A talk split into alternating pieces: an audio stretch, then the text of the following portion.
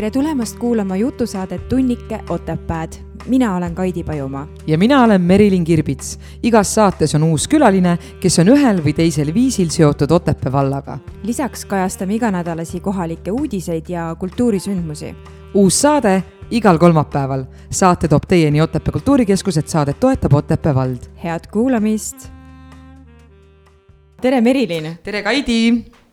kuidas sul läheb kogu aeg üks ja sama. kuule, ma siin äh, noh, vabakutselisena ikka oled iga päev kuidagi äh, ootusärevuses, et äh, mil-, millal jälle uued piirangud tulevad, eks ole mm. -hmm. ja, ja siis no, olin suures hirmus, on ju, ja siis piirang tuli, et äh, siseruumis sündmusel võib tuhat inimest olla, on ju ma ei tea, napilt, napilt, napilt, et, et tuhat inimest, et vist saame hakkama, vist saame hakkama enda teatris, et aga siis me mõtlesime, et hea sketši saaks sellest, et, et võiks olla ju tegelikult niimoodi, et vähemalt tuhat inimest peab olema, võiks olla sul, piirang nagu. see on sul väga hea sketši idee, et kui siiamaani sa mängisid kogu aeg Kaljulaidi, eks ju, nüüd see, nüüd sa seda enam teha ei saa, nüüd sul on uus idee, on ju.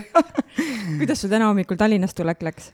miinus üks koma viis see on nagu promill või see oli, see oli kraad, aga mitte minu kraad, see oli nagu õuekraad. mis sa luiskad, sa ei tulnud täna Tallinnast? ei tulnud jah, ma tulin eile öösel aga me ei ole siin jälle taaskord, et rääkida talverehvidest ja ilmast ja sinu Just. Tallinna meil on ju talverehvid all. on, minul on, kas sul ka on nüüd või meil on täna saates külaline uh. Mm -hmm juhata sisse. hea küll. tänase saate külaline on tuntud kui suurürituste korraldaja ja tippartistide maaletooja.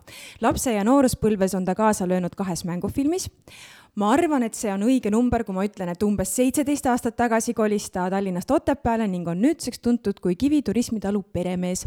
kahe tuhande kaheksateistkümnendal aastal avas ta turismitalus restorani nimega Rock Summer, kus ta tegutseb ka kokana ja kaks tuhat üheksateist aasta pälvis ta Valgamaa teenete märgi.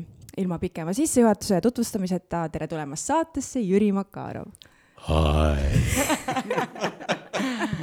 tere no nii, äh, küsisin sinult tutvustust, siis sa saatsid mulle ühe lause, mõtlesin, et pagan, selle lausega ma ei saa piirduda, ma pean ikka midagi rohkemat sinna juurde panema. aga kuidas sa nagu iseennast kõige paremini nagu nimetad, kui keegi küsib, et mida sa teed, mis sa siis ütled, kes sa siis oled, kas sa oled ettevõtja või oled sa kokk või? kas mõlemad ei tohi olla või?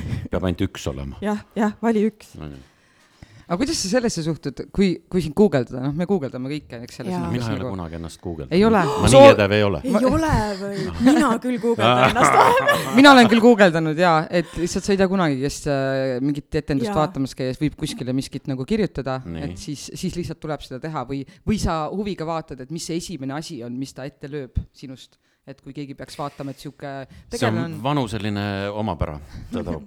siis, kui sa mm, jõuad teatud äh, ma, ma ei usu, et see on isegi vanusega, võib-olla see on see, et siis, kui sa oled äh, jõudnud oma eluga sinna, kus sa võid öelda, et tegelikult ma olen natukene nagu rahul ka äh, iseendaga, siis sind ei huvita nii palju, sest sa saad aru, et, et arvamusi on seinast seina, sa oled elimineerinud juba esimese järgu sõpru enda hulgast nagu vasakule ja teised paremale. Et see on nagu see aeg, et sul on öeldud nii halvasti kui hästi ja, ja sind ausalt öeldes kajakategi sa enam ei huvita. absoluutselt, selles mõttes äh, ma teatrietenduse äh, kriitikat äh,, arvustusi ei loe. et mulle lihtsalt tundub, et see on väga ühe inimese arvamus siiski mm, -hmm. kuigi, kuigi mind vahest teeb kurvaks, et äh, et kui inimesed, kes loevad ajalehest seda, siis nad saavad ju esimese nii-öelda mulje või äh, kujutluse sellest etendusest saavad sealt. Mm.. et see on päris suur vastutus tegelikult, mida sa ikkagi äh, kirjutad või aga enamik inimesi ei kanna seda vastutust, et see ongi probleem. Et isegi kui pooled ajakirjanikud ei kanna seda, ma mäletan, et ükskord, see oli hästi ammu aega tagasi, üks ajakirjanik, mingisugune täiesti uus tundmatu nimi, aga noh, siis kui sa oled tundmatu nimi, siis sul on jõledalt vaja nagu silma paista ja siis ta kirjutas nagu nii negatiivse artikli asjast, millest ta ei teadnud. ja siis ma kutsusin kutsusin ta nagu välja, ütlesin, et kuule, et noh, et, et äkki sa näost näkku tahad ka nagu. ja siis ma nägin, milliseks kompleksis ta vaevles, ta vaesekene punastas siis, kui ta saate tuli, tal olid veel vinnid, mis tähendab seda, et noh, ta üritas nagu noh, ta, ta nii üritas kuidagi kuulsaks saada.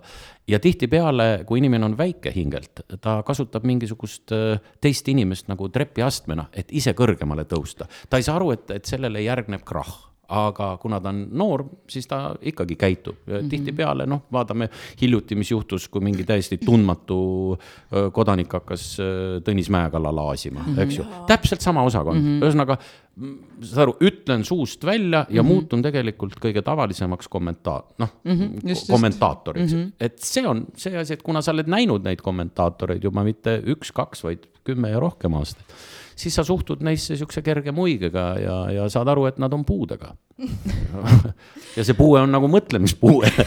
Ja, ja, ja, ja neid ei ole mitte vähe.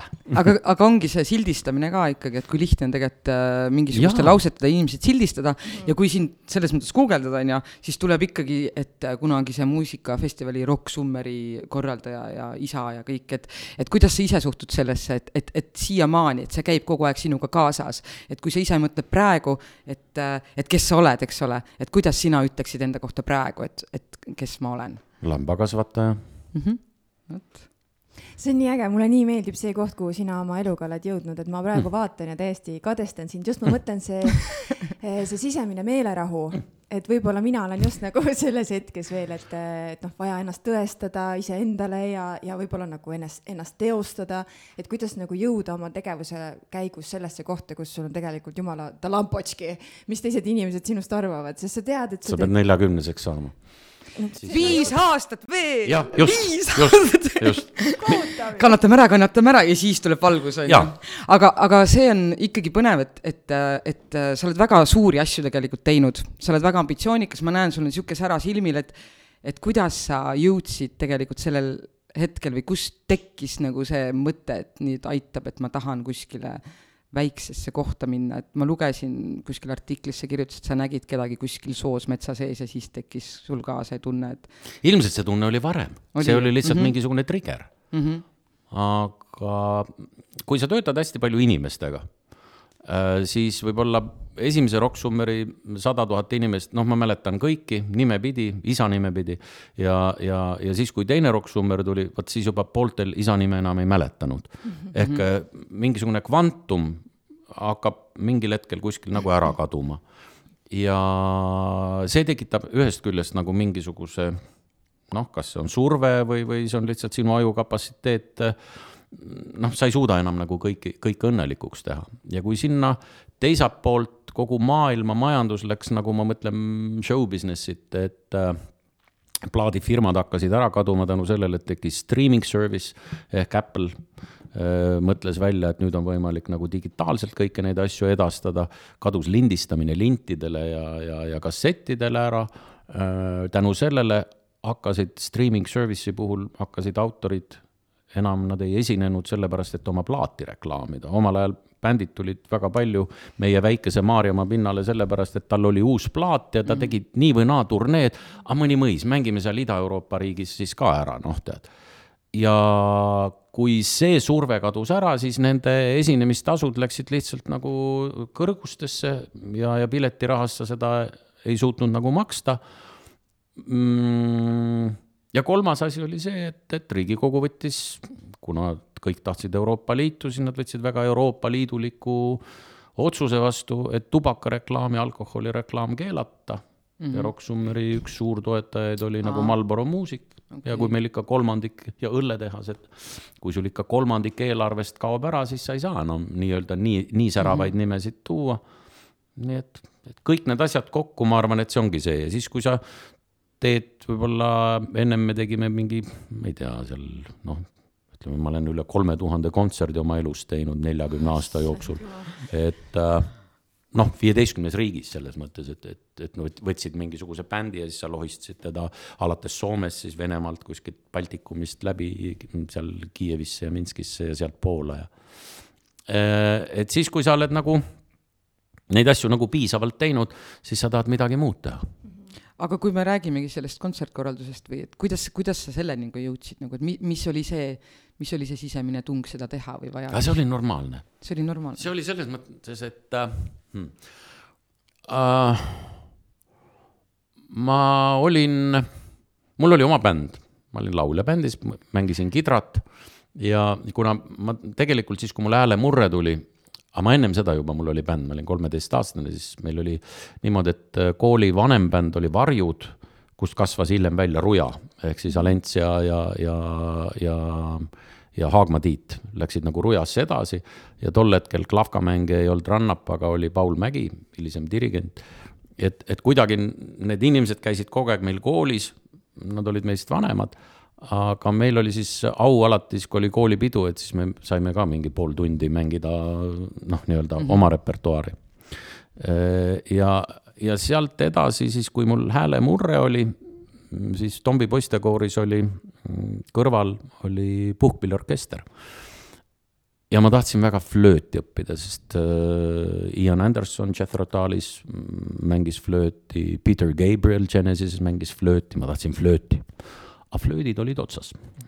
oli ainult klarnet. ma ütlesin, okei okay,, andke mulle klarnet ja nii ma õppisin klarnetit mängima.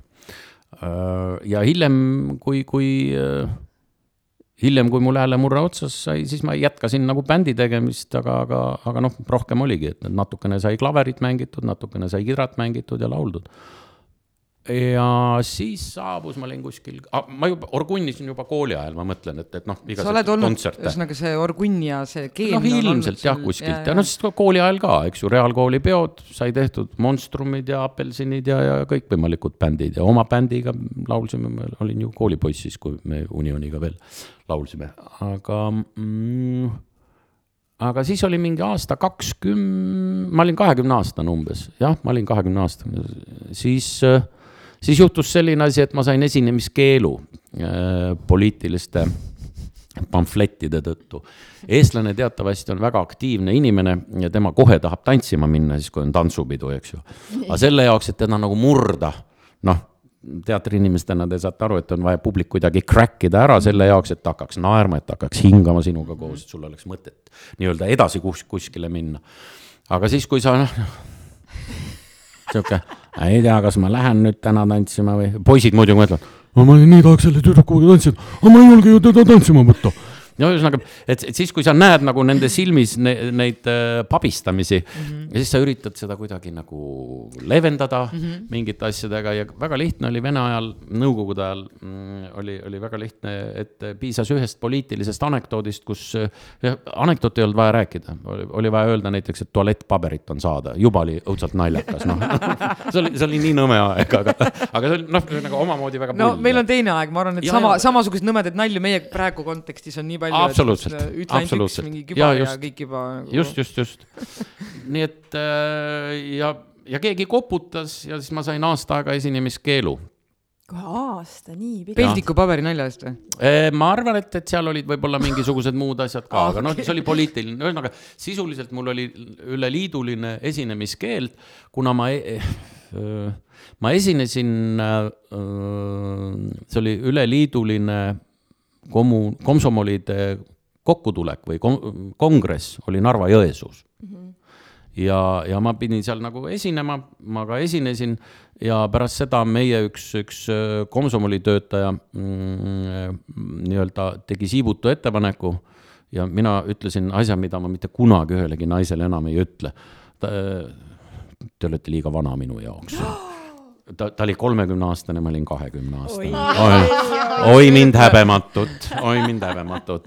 nii et aga, aga see asi jah, joonistati nagu, nagu hiljem ma üritasin natukene vaidlustada kultuuriministeeriumis, et seitsme inimese kohta ainult kolm inimest oli kohal, on vaja nagu hääletamisel nagu enamust, aga kuna see oli poliitiline, siis kõik võtsid näpud eest ära ja ütlesid ei, ei, ei, nii on. Ma tol hetkel juba käisin diskosid tegemas Venemaal, Moskvas ja, ja Leningradis täiesti regulaarselt. Ja mm, ütleme, ma sõitsin, ma sõitsin Peterburi, Peterburi Leningradski Dom Maladjoži juhataja ütles, et Jüri, näed, siin on sinu kohta on paragrahv, me ei saa sind võtta, saad aru, et sa oled liiga tuntud. aga ma tõesti käisin iga, iga teine nädal käisin nagu Peterburis esinemas. siis ma helistasin Moskvasse, need olid nõus mind nädalaks ajaks võtma ja pärast seda ma läksin Odessasse. Odessas oli Musta mere kruiis, need olid ka mind veel nõus, ütlesid, okei okay,, su nimi on Raivo Raidam, niikuinii keegi näo, nägupidi sind ei tunne. ja siis ma võõra nime all sain seal nagu teha veel tööd, mida ma oskasin. ja siis, kui ma jõudsin koju tagasi siis naabrimees äh, Urmas Alender tuli, ütles, mis sa sihuke nutad, tead. ja, aga kuna nad Liiviga elasid äh, hästi väikeses korteris ja minul oli nagu jälle, minu vanemad olid maale kolinud just, noh küll Kuusallu, kolmkümmend viis kilomeetrit, eks ju aga mu-, mulle jäeti kahetoaline korter Wow. siis see oli selline muusikute ja näitlejate kodutute kodu.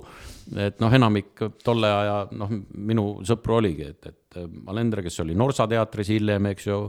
aga siis, kui sa arvad, et nad oma kursusega pärast etendust ei tulnud meile ja, ja, ja, ja nad ei olnud näljased absoluutselt, onju. siis sa eksid, aga, aga Jüril oli uus, uus Genesis, saad aru, et noh, ja siis kõik tulid sinna kuulama, saad aru. siis me tegime süüa ja kõik said kõhud täis, mitte millestki nagu ikka. või siis olid noh, ma ei tea, Volkonski, eks ju. Ma isegi kaks korda astusin lavakunsti kateedrisse, aga õnneks mind ei võetud vastu. sest kujutad ette, siis ma oleks näitleja olnud või lavastaja, aga ma ei oleks üldse kontserte teinud nii et, nii et see oli see, et, et kui, kui mm, -hmm. kuidas see jõudis ja, ja tol hetkel äh, Urmas ütles, et Jüri, et meil on Rujale vaja mänedžeri. tol hetkel nimetati seda asjaajajaks, eks ju, ja siis minu asi oligi panna nii-öelda Rujale esimene suvine kontserttuur. kolmkümmend, üle kolmekümne kontserdi. Ja, ja ma panin selle kokku ja sealt hakkaski peale see nii-öelda nagu kontserdi tegemine, hiljem, kui mul see esinemiskeeld lõppes, siis ma, ma tegin uuesti, ma tegin mingit lood isegi linti Linnahallis. aga kuidagi see orgunn ja see disko, ma arvan, et seal oli väga palju asjas kinni ka, ka tasustamine. lihtsalt bändina, kui me bändiga esinesime, ma sain viis rutsi nii-öelda mm, esinemistasu mm. -hmm aga diskjokina ma sain kolm seitsekümmend tund mm.. nii et noh, et sa teenisid nagu kakskümmend viis, viis korda rohkem mm -hmm. nagu diskjokina mm. -hmm. ja, ja siis see bändide tegemine, see oli nagu hobi mm. -hmm. see oli nagu sihuke mõnus hobi, sellepärast et sa olid kogu aeg ise bändi teinud ja, ja ja sa üritasid nagu kuidagi see ja siis, kui järsku ühel hetkel oli võimalus mingeid väljamaa bände teha, siis see tundus sihuke dream come true mm, -hmm. eks ju, vau, okei okay,, let's do it. nii et noh, muud ei midagi nii tore, et sa kohe sellesse lapsepõlve tulid, ma just tahtsin küsida, mul on tunne, et me oleme Meriliniga siin telepaatiliselt seotud, mina mõtlen, Merilin, Merilin küsib. Et äh, see bändide tegemine ja, või, või bändi tegemine ja kõik see osa oligi sinu hobi, aga, aga kas sa, kui, kui me nüüd tuleme näiteks sellesse aega, kui sa pidid valima, mida minna edasi õppima, kas, mida sa üldse õppinud oled või mida sa lõpetanud oled? Ma läksin pärast kooli lõpetamist kontsi, sellepärast et äh, lavakunsti ei võetud vastu. Äh, minu koolivend äh, Tõnu Oja mm, -hmm. kes oli aasta minust vanem, tema läks ja ma mäletan, et ma läksin isegi mm, Üksküla vist võttis vastu, ma läksin sinna, et äkki ma saan kuidagi niimoodi fakultatiivselt kõrvalt õppida ja nii edasi, ei saanud.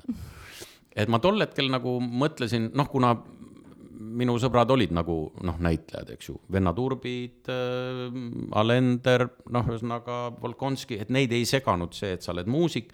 Ja, ja kuna ka minu vene tutvusringkonna äh, kodanikud olid nagu nii-öelda näitlejad ja lauljad samal ajal, et siis äh,, siis ma arvasin, et see võiks olla, aga kontsi ma läksin sellepärast, et mitte sõjaväkke, ma läksin, andsin sisseastumiseksamid sellesamase klaveriga ja mängisin siis mingisuguse või selle klarnetiga, eks ju, siis ma mängisin mul oli noot lõppes ühe sonaadi pealt, lõppes nagu mul viimast lehte ei olnud. ja siis ma mängisin Kuupaiste sonaat või mingi ta-ta-ta-ta, sa mängid ära ja sa jõuad nagu sinna.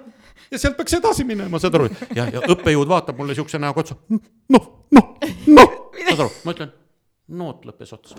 välja aga ma sain selle dokumendi, et ma olen sisseastumise pabereid viinud sõjakomissariaati viia ja tänu sellele mind see aasta ei puudutud järgmine aasta ma läksin siis nagu lavakunsti proovima.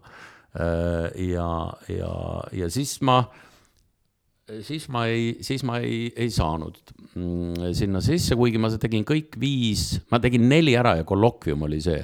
aga ma arvan, et ma istusin, kuna ma hommikust õhtuni istusin koos äh, Alendriga ja kui sa oled sihuke noh, üheksateistaastane poiss ja oled nagu kahekümne kuue aastase sõbraga, siis sa muutud nagu temaks ja, ja ilmselt mingid maneerid olid ja mingid asjad ja ma teadsin kõigest. ja see, see mitte vastuvõtmine oli nagu nii naljakas, et seal oli noh, seitse inimest oli seal, kes võtavad sind vastu seal lavakas.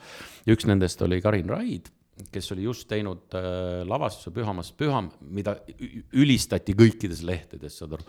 ja noh, küsitakse see, see, see, nad pommitavad sind, ehk noh, et sind äh, laiali lammutada mm -hmm. selle jaoks, et sa paned otse ja ausalt, eks mm -hmm.. Need küsimused, mis on parim etendus?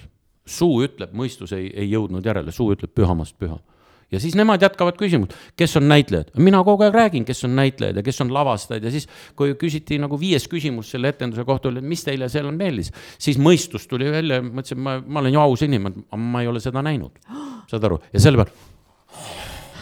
ossa raisk, noh ja selle, sellega asi läks, aga muidugi häiris ka see, et ennem seda tead, noh, tuleb volk ja patsutab õlale. Jürts, sa oled sees. No ühesõnaga, et, et noh, et kui sõbrad ütlevad, et, et kõik, et, et, et žürii räägib sinust väga hästi ja siis sa lähed sinna nagu sellele, noh, kas ma nüüd kahetsen, tol hetkel ma kahetsesin väga seda, eks ju.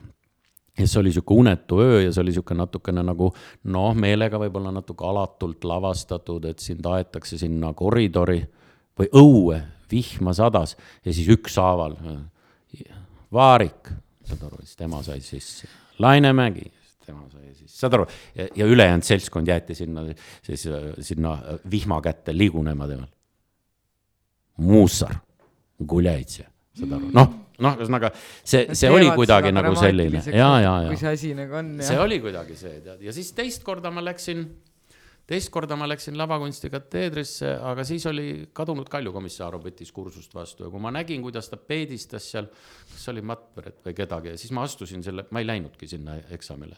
Ma ei suutnud, ma mõtlesin, et kurat, et minu jaoks peab olema õppejõud see, keda ma austan ja, ja, ja armastan, mitte see, kes, kes minu jaoks nagu mingil hetkel, noh muutub madalaks või, või ma ei söö teda nii, nii nagu ma peaksin teda sööma. Nende nagu sihuke meetod või? ilmselt on panna..., ma tahan öelda mm. seda, et, et see probleem on ilmselt äh, meie, võib-olla täna on see muutunud ja ilmselt äh, võib-olla äh, härra Peterson oli see, kes muutis selle asja oma teatrumiga ära.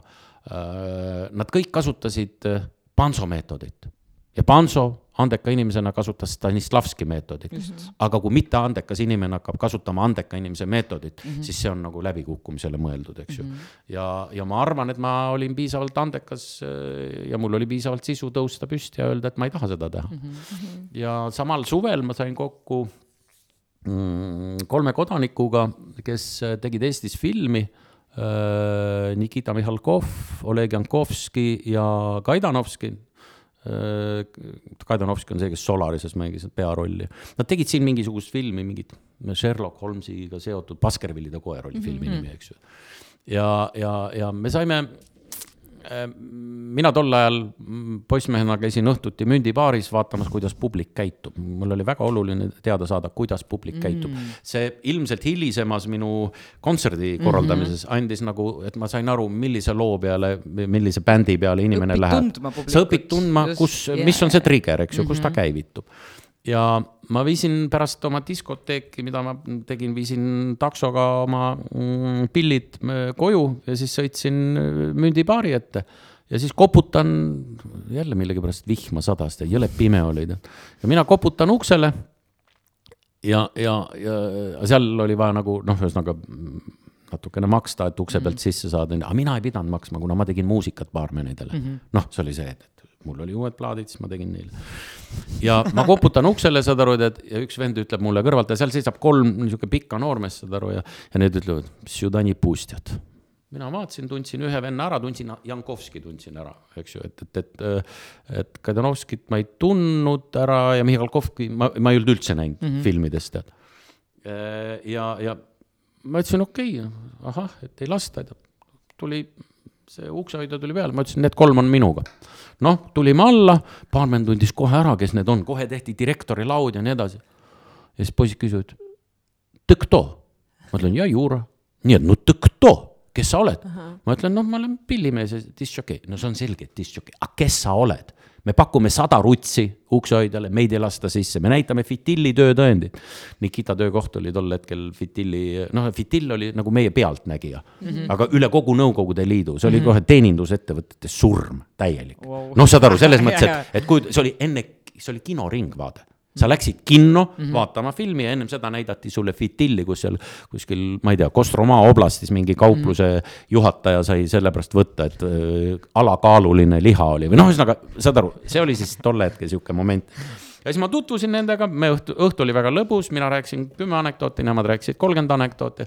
õhtu lõpul, kurat, sul on kuradi annet, sa peaksid kuradi näitlemist kaaluma. ma ütlesin, kurat, ma olen siin proovinud, aga mind ei võetud ja, ja, ja mul ei ole enam usku sellesse. Siim Konnatigis, muidugi, tule Moskvasse. saad aru, värgid, kõik, ma teen sulle kuradi kinoinstituudi värgid, särgid ja nii edasi, ma ütlesin oo, oo, oo, oo, oo, millal eksamid hakkavad, kahe kuu pärast, kõik.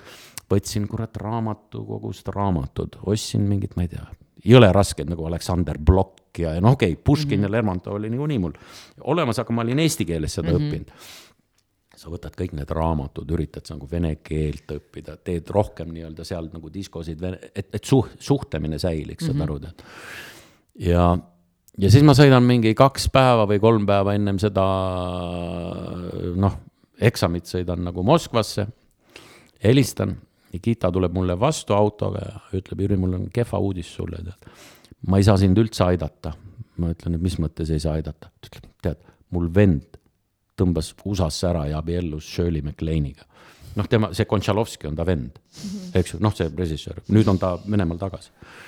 aga tema isa, Sergei Mihhalkov, oli Nõukogude Liidu hümni autor noh, sa ja, ja Kirjanike Liidu esimees, no ühesõnaga saad aru, sihuke noh, puna pu,, punavärk ja see vend võeti koha pealt maha, sellepärast et tema poeg abiellus Ameerika näitlejannaga. Nikita ütles, et tal on kaks filmi, need on mõlemad seisma pandud, saad aru, et ma, ma ei saa, minu nime mainimine on ebameeldiv, tead, okei okay.. ma ütlesin, noh, et, et ma ei tea, mis, mis siis teha, ta ütleb, ma ei tea, helistame Olegile, helistame Jankovskile. Jankovski, me saame kokku kuskil kohvikus, saad aru, ta ütleb, Jura, ma ei saa sind aidata. ma ütlen, miks? no sul ei ole ju viite tuhandet rubla ma ütlen, et aga viis tuhat rubla oli tol hetkel sihuke auto hind või noh, sihuke mm -hmm. asi. ma ütlen, mul tõesti ei ole viite tuhandet rubla, et noh, võib-olla tuhat kaks ajaks kokku, saad aru, tead. aga viite tuhandet mul ei ole, ta ütleb, noh, siis sa ei saa sinna eksamile. ma ütlen niimoodi, ise ütlesite, et ma olen kurat andekas. siin ei ole midagi, kõik on seal andekad, aga viis tuhat rubla peab ka olema. no lühidalt ja. ja mina mõtlesin, et kurat, et ma olen igasuguseid uksi avanud, lähen sinna, tead. mõtlesin seda, et, et kuna kursust võtab vastu äh, abielupaar Gerassimov ja Makarova, noh, ja siis Tamara Makarova näitlejanna, ma mõtlesin, et kuidagi see minu perekonnanimi äkki, ta, ta, ta. Lähen sinna, panen oma nimekirja, lähen hommiku, üheksa on see, ma lähen poole üheksaks sinna, panen nimekirja, neljakümne teine, kõik värgid, kõik luuletused lahti Белит парусом синера. vaata, venelased loevad hoopis teistmoodi ja, luuletusi kui, mhm. kui eestlased, eks ju. ja ei noh, ja siis on see. üks tuul käib mööda teed. ja ei, ei, siin, see, ei, on uus, on uus eestlaste see stiil ka, mismoodi nad loevad, see on see kirikuõpetaja stiil, see tule ja mine ja näen ma hullu. On ju? Sest mingi aeg oli see, et kus, kus oli, ütleme, vaata näite, näite, lavakunsti kateedris õpetati see, see kaet, kaetud häälega. Ja tulema küll, noh, seda on sihuke, noh, sa tead, millest ma räägin. no,. jaa, no nii ebausutavalt kui veel võimalik nagu. nojah, jah, no lühidalt, mina harjutan seal ukse taga värgid ja siis, kui on nelikümmend inimest viie kaupa võeti sisse, siis kui on nelikümmend, nelikümmend inimest on ära olnud, siis tänaseks kahjuks härra Gerassimov lõpetab, kohtume järgmisel nädalal. saad aru? okei värgid, sina vaatad, kurat, ma olen hotelli võtnud, no tead, kurat, raha saab juba otsa, mul õnneks õde õppis tol hetkel Moskva ülikoolis žurnalistikat, siis ma sain sinna kuradi kuskile kapi taha nii-öelda salaja peitu. aga nende ühiselam oli seal, kus kõrval oli Patrice Lumumba, vaat see oli see, kus meie esimesed neegrid olid, õpetati neid Aafrika riike mm, -hmm. eks ju. kõrval oli nende ühikas ja me oli see ja tänu sellele sa eridokumendiga said nagu sinna sisse, sest noh, seal oli mingi söökla ja seal olid ju väljamaalased, eks ju. mis siis, et nad olid Kongost, Tongost ja Mongost, eks ju, aga ikkagi no lühidalt kuidagi oli vaja, saad aru, siis sai kuskil seal esinetud mingisuguses diskoteegis, et natukenegi sai kolmkümmend rutsi, okei okay,, jälle on rahad, süüa, kõik on korras, Moskva kallis linn, tead mm. -hmm. Lähen järgmine nädal, tead, panen, olen kuradi kolmekümne kaheksas, jess ah Lähen sinna, raisk, kõik on korras, tead, värgid ju. juba tunned mõnda venda, kes möödunud kord oli, vaata seal taga toimub õudne sotsialiseerumine mm. -hmm. üle Venemaa on yeah. ju ta taadid kohal, kellel on kitarr, kellel on flöötu, see puuflööt, saad aru.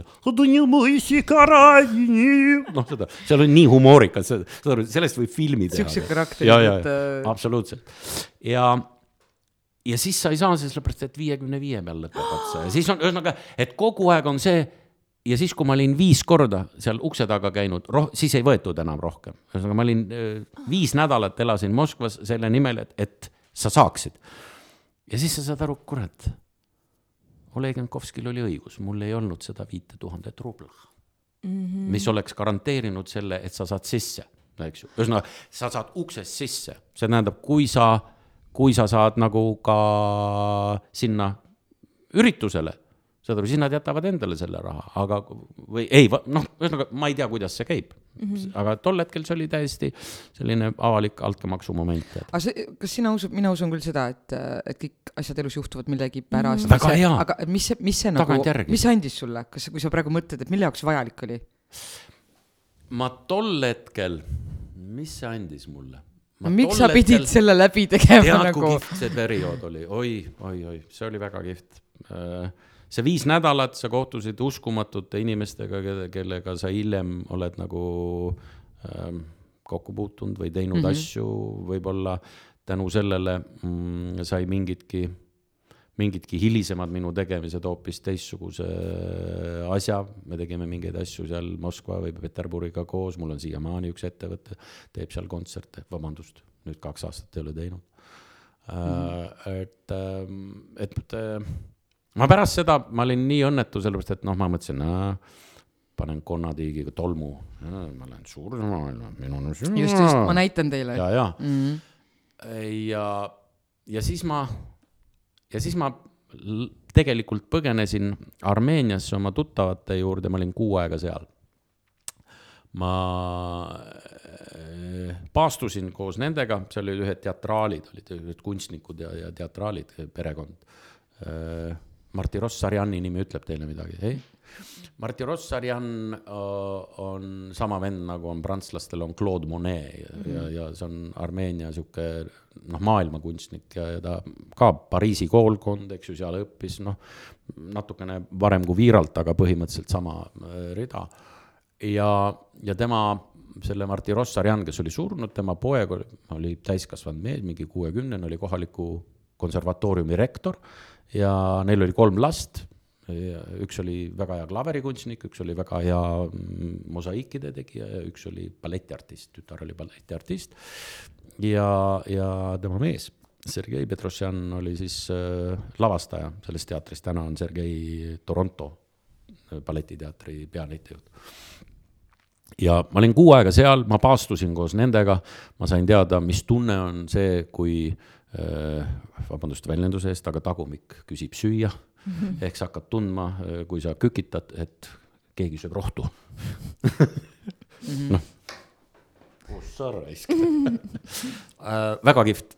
Ehk mm, mina ei pidanud seda nii kaua tegema, nemad olid noh, kolmekümneaastased, nemad pidid tegema nagu kauem, et ma olin nagu piisavalt noor, mulle piisas mingist kümnest päevast aga see on mul... vaim, see on vaimne rännak tegelikult ikkagi. on, on, on, ta on teine tripp su ja. aju hakkab teistmoodi mõtlema. Äh, ma, ma arvan, et eelkõige nagu organism õpib nagu tundma ja siis, kui, kui tualettruumis sa tunned nagu ammoniaagilõhna, mitte midagi muud, siis sa saad aru, et tegelikult sa oled puhastunud mm, -hmm. noh ja, ja kuna seal üleval see Prana on noh, ütleme Jerevan on ise tuhande meetri peal ja me käisime ikkagi Sahkatsooris, mis on üle kahe tuhande, see on nende suusakuurort, aga suvel on seal imeline, sa sõidad selle funikulioriga ülesse mäletan, et ma sõidan ülesse sinna, seal oli mingi, kellelgi oli mingi laager, pioneerlaager seal, ta oli kasvataja, siis ta võttis mind sinna nagu nädalaks ajaks kaasa sinna mägedesse, ja ma mäletan, et ma sõidan selle kuradi kondliga, sõidan ülesse või noh, selle istumise alusega, mis meil siin Munakale nüüd pandi.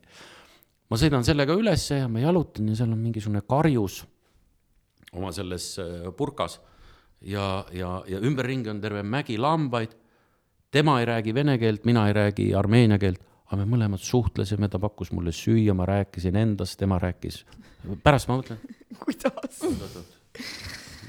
noh, ühesõnaga kõik niidid töötasid. mina mhm. rääkisin eesti keeles, tema rääkis oma keeles ja me saime mõlemad teineteisest väga hästi aru täiesti uskumatu lihtsalt. ei, ei, aga, aga, aga see on väga nagu... kihvt, see on väga kihvt. aga ma just mõtlen, et kogu see sinu lugu selleks äh, näitlejaks pürgimisel on minu meelest nagu nii ilus ja ehe näide sellest, et kui midagi ei ole meant to be, siis sa kasvõi üritad äh, üle oma varju hüpata, mis ei ole võimalik, onju mm, -hmm. aga lihtsalt, et no ongi sein ees, ükskõik kuidas sa proovid, igal pool on sein ees mm. -hmm. et mina olen enda elus ka nagu seda kogenud, et no, no kui ikka kuidagi ei saa siis see lause, et noh, kuidagi ikka saab, eks ju mm, -hmm. siis teinekord see ikka ei tööta, sa peadki tõstma käpad püsti ja ütlema, okei okay,, võib-olla see valik ei ole minu tee nagu ah,. tead, käppade püsti tõstmisega, see on erinevaid, mina olen erinevaid vastulööke saanud ja mõningad asjad äh, sa neelad nagu kohe alla mm -hmm. ja ütled, okei okay,, klõnks mm, -hmm. nii, uus maailm mm. -hmm aga mõned asjad on see, et sa ikkagi põed tükk aega neid asju, et, et sa, siin on nagu aeg annab arutus, sa pead, sa pead jõudma selleni mm, -hmm. et, et kuskile edasi minna. et sa matad selle asja maha ja nii edasi. no ma mäletan siis, kui ma televisiooni tegin ja mul antenn alla kukkus Tallinna teletornist, mida ma paigaldasin Teie ei tea sellest midagi, oli üheksakümne neljas, üheksakümne viies aasta. et sa tegid telekanali. jaa, aga lihtsalt kuna teised tahtsid, vaata tol hetkel oli see, et äh, kui Eesti sai iseseisvaks, siis mingil ajahetkel ma tegin raadiojaama. jah tänu sellele ma väga soravalt praegu räägingi teiega ja väga vähe kasutan parasiitsõnu Äh, aga, aga siis äh, oli võimalik ka tele teha ja Eesti riik äh, kõigepealt andis rendile nagu Leningradi kanali ja Kesktelevisiooni kanali ehk Vene kanalid, aga seal oli sagedus. aga seal oli nagu üks tehniline moment, et need olid kõik sekkam süsteemis, mis tähendab seda, et isegi siis, kui Näärimann ei olnud viina joonud, oli tal nina juba punane mm saad aru, see punane värv läks põlema nagu, seda aha. nimetatakse klirriks okay.. Mm -hmm. ja meie tallinlastena olime harjunud vaatama Soome televisiooni, mis oli fantastiline pilt, värv ei läinud klirrima ja kõik oli väga kena. olen kuulnud, jah. ja mina tahtsin tänu sellele sekkamsüsteemi mm. -hmm. jah, uus saatja oli kohutavalt kallis, mingi kolmteist miljonit ja mingi teleantenn neli miljonit krooni, eks ju, aga me saime sellega hakkama, me panime uue selle ja me panime antenni ja ja see antenn kukkus paigaldamisel alla, okei. Okay.. see kukkus läbi, see kukkus läbi, see oli helikopteriga paigaldamine, mis oli selle äh, instituudi nõue, kes selle ehitas, selle torni. Mm, -hmm. eks ju, see oli Moskva instituut. Ja Peterburis neil oli siis äh, helikopteri komanda, kes oli neil äh, Ostankinot ehitanud ja kõiki neid Nõukogude Liidu viimase kümne aasta jooksul teletorne.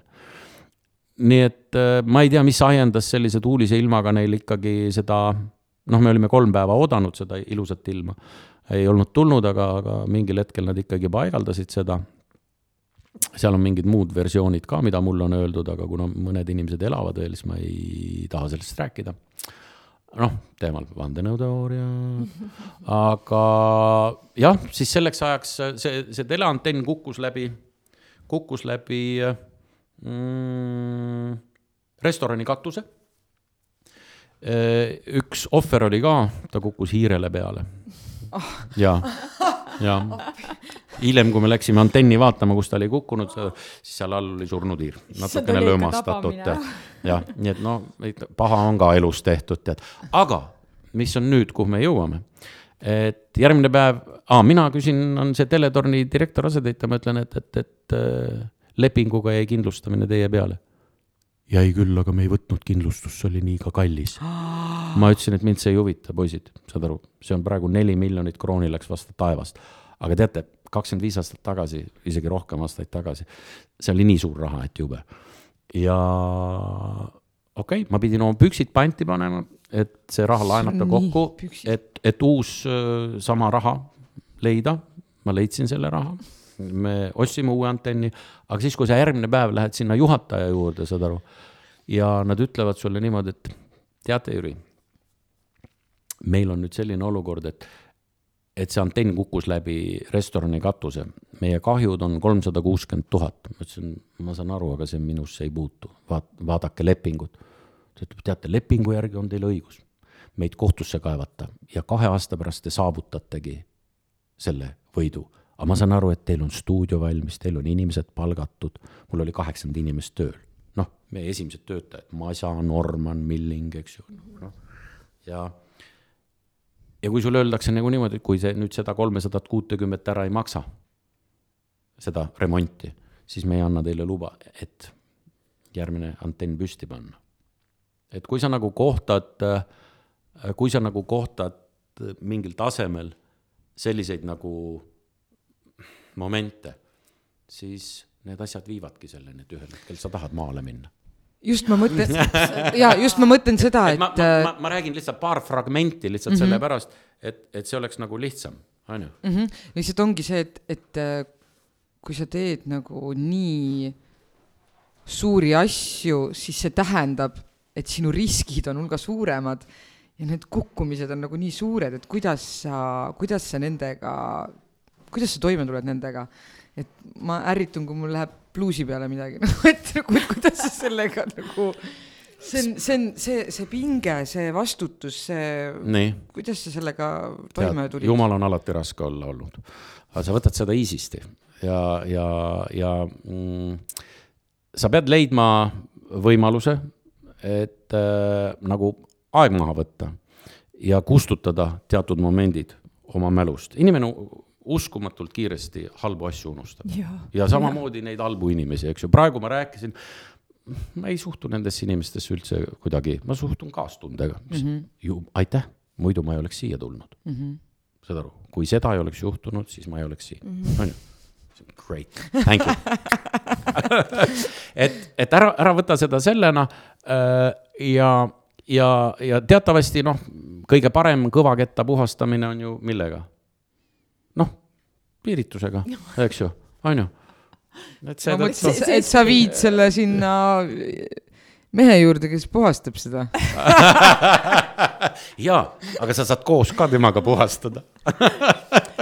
Et, et noh, et see, mis sa ennem ütlesid, et, et kuskil maal, ma arvan, et kuskilt sealt hakkas see peale, et kõigepealt äh, ma käisin alati kaks korda aastas, käisin linna Ivo juures, mm, kui ta Muhu maale ostis endale Laasu talu. Ja iga kord, kui ma läksin, oli ta jälle mingisuguse katuse ära parandanud ja siis seda teinud ja, ja siis mingi laud sitaks tühjaks äh, tõmmatud ja, ja siis ta näitab mulle, näe, Jüri, akutrell mõeldi välja, näe, niimoodi ühtepidi, niimoodi teistpidi. ja ma ütlen, mis sa tahad öelda, et sina oma väikeste töntside näpukestega ehitad. ei, mul on üks joodikust abimees ka, saad aru, ja, ja ja siis ma mõtlesin, kurat, kui IF saab hakkama, mina saan ka hakkama, saad aru. mis no. mõttes sa ei saa hakkama, millega sa oled kõike hakkama saanud? ei, aga, aga ikka... tead, maale tulemine on õud, õudselt, sa jõledalt kardad mm. -hmm. et seetõttu mina tahaks nagu julgustada, et mitte see, et nüüd vanusbarjäär on see, et oo oh,, minul oli ta lihtsalt nelikümmend, ma ei suutnud enam linna taluda, minu jaoks mm -hmm. oli see, see, see oli vale koht, saad aru, ta oli mulle haiget teinud, ma tahan sellest eemale. ja samal ajal, kui ma läksin, ma olen eluaeg kõva nii-öelda seeneline olnud ja siis sa lähed lihtsalt, võtad oma koera ja lähed, oled kaks tundi oled kuskil Loksa metsas, sa tuled tagasi natukene niimoodi mm. -hmm. omal ajal me naersime, et siis, kui sa nägid äh, Tallinna fila- või seal Eesti Filharmoonia ehk Estonia teatri see Filharmoonia poole peal, kui sa näed, noh, sellise näoga nagu pillimeest, käisid Soomes kaks päeva eks see oli nagu see, et, et siin toimus nagu, see elu oli nii sihuke sa-sa-sa-sa-sa, ühesõnaga see sagedus mm -hmm. oli nii kõrge mm -hmm. ja nii tihe mm, -hmm. et kui sa läksid sinna ja sa sattusid nagu sihukesesse hulpivasse vette, saad aru, siis sa tulid tagasi ja see oli nii nakkav kuidagi mm. -hmm. täna ma, täna ma, ma sinna eriti ei taha minna, sellepärast mm -hmm. et seal on liiga rahulik minu jaoks. isegi noh isegi, see tähendab, Ida-Euroopa vibratsioon, ta on nii palju värskem, kui ma vaatan, ma ju jälgin ikka, mis toimub maailma muusikas. Euroopa ja ka maailma parimate bändide hulgas on alati üks või kaks idaeurooplast, olgu ta Jugo, olgu ta Tšehh, olgu ta venelane. ehk kui sa hakkad vaatama nagu bändi nimistut mm -hmm. ehk, ehk mm, siin on see inspiratsioon olemas, see tähendab, siin on seda vibrant'i mm, -hmm. mis, mis eriti võib-olla noh, Euroopas on nagu lihtsalt ära hävitatud. mine mhm. Rootsi ja seal, seal on igav lihtsalt. mis sa üldse arvad täna praeguse aja muusikast, et äh...? vale inimese käest küsid, ma ei jälgi. ei jälgi mm, -hmm. aga miks sa ei jälgi? mis on see tunne nagu selles mõttes, mis äh, et omal ajal see muusika, ma saan aru, ei olnud kättesaadav ja kui saidi, siis võeti sealt väga palju inspiratsiooni, see avardas äh, hästi palju, aga, aga kuidas see praegu nagu noh, me oleme natuke siin rääkinud ka sellest tänapäeva popmuusikast, et see on puhas tapeet ja seda võibki lihtsalt taustaks käia, aga et nagu. ma ei taha, ma ei taha halvasti öelda, aga mm, ma arvan, et ma olen nagu liiga vanaks saanud, et ma ennem mainisin, et ma olen üle ühe kontserdi elus teinud ja, ja selle jaoks, et omal ajal Rock-Summeriks bände valida, siis kui mul oli raadiojaam, siis ma sundisin, ma tegin esmaspäeva hommikul endale kahetunnise raadiosaate, kuna meile, me ostsime sisse sihukest äh, iganädalast sarja nagu Eurochart Hot One Hundred, kus sul oli sada lugu. -hmm. iga nädal tuli äh, viiskümmend või kuuskümmend CD-d või singlit. Ma pidin selle läbi hekseldama. et sa oled lihtsalt ühel hetkel mingi asi nagu ammendub, ta hakkab üle ääre ajama. et mitte, et see kapatsiteet muutuks mm -hmm. inimesest äh, ma endiselt tahan ju midagi vastu võtta, ma endiselt äh, kuulan ja siis, kui minu filtrid ehk mõned sõbrad, kelle muusikalist maitset ma nagu austan mulle ikkagi noh, saadavad ükskõik kas Facebooki või mingi asja kaudu, et kurat, seda sa pead kuulama, saad aru, ja siis sa kuulad mingisugust sihukest noh, mingit noort häält, saad aru, ja silm hakkab särama. Ossa kurat, noh, eks see on see, mis, mis omal ajal näiteks noh, kadunud sõpra Joalat äh, häiris kõige rohkem, et, et silm tal ei läinud enam särama, noh. Et ta, ta, ta ei leidnud, ta ei leidnud seda kihku meie noortes artistides, kes tahaksid minna maailma avastada, kes tahaksid Marsile minna, Jupiterile, kõrvalgalaktikasse mm. -hmm. see on nagu see probleem. aga mida sa muusikas hindad, et, et ma näen, noh, seda mõtet tuli läbi, et sa vaatad hästi palju, mis publikule nagu või läbi publiku reaktsiooni. aga ise, kui sa kuulad, et mis, mis on see, mis sind nagu muusikas sulle korda läheb? või mis sind puudutab või mis sind nagu paneb sul niimoodi mm,? järelikult seal peab sisu olema, see tähendab, see peab olema südamega tehtud, seal peab olema seda soojust, sest äh, viimasel ajal on väga palju lugusid, nad on konstrueeritud, nad on tehtud äh, noh, võtame kasvõi Eurovisiooni lood, nii A-osa peab olema see natukene mm -hmm. melanhoolne, natukene see, ta peaks rääkima sellest, sellest, sellest asjast. siis tuleb refrään, see on natukene lubavam juba, pa-pa-pa-pa-pa, eks ju, siis me läheme tagasi salmi peale, salm tuleb samamoodi, räägib veel kurba lugu niimoodi. siis tuleb refrään, on see, nüüd toimub modulatsioon, saad aru mm, -hmm. ja siis läheb lõbusamaks ja siis tuleb kolmas osa, mis on veel lõbusam ja siis lõpeb ära mm. -hmm. sa näed seda struktuuri läbi, see ei üllata sind, on ju, pluss sellel ei ole sisu, sellel ei ole ka tekstilist sisu tegelikult, sest. saad aru, sest noh, ütleme, et öö, äh, omal ajal omal ajal, vaata aeg oli võib-olla teistsugune ka. omal ajal oli see, et, et kõik bändid hakkasid, Eesti bändid hakkasid laulma inglise keeles. ehk kõik hakkasid kõrtsumusa tegema, isegi meie kõige kuulsamad mo moosekandid läksid Soome, sellepärast et seal oli võimalik ellu jääda, sai mhm. leiba, eks ju. ja kõik laulsid.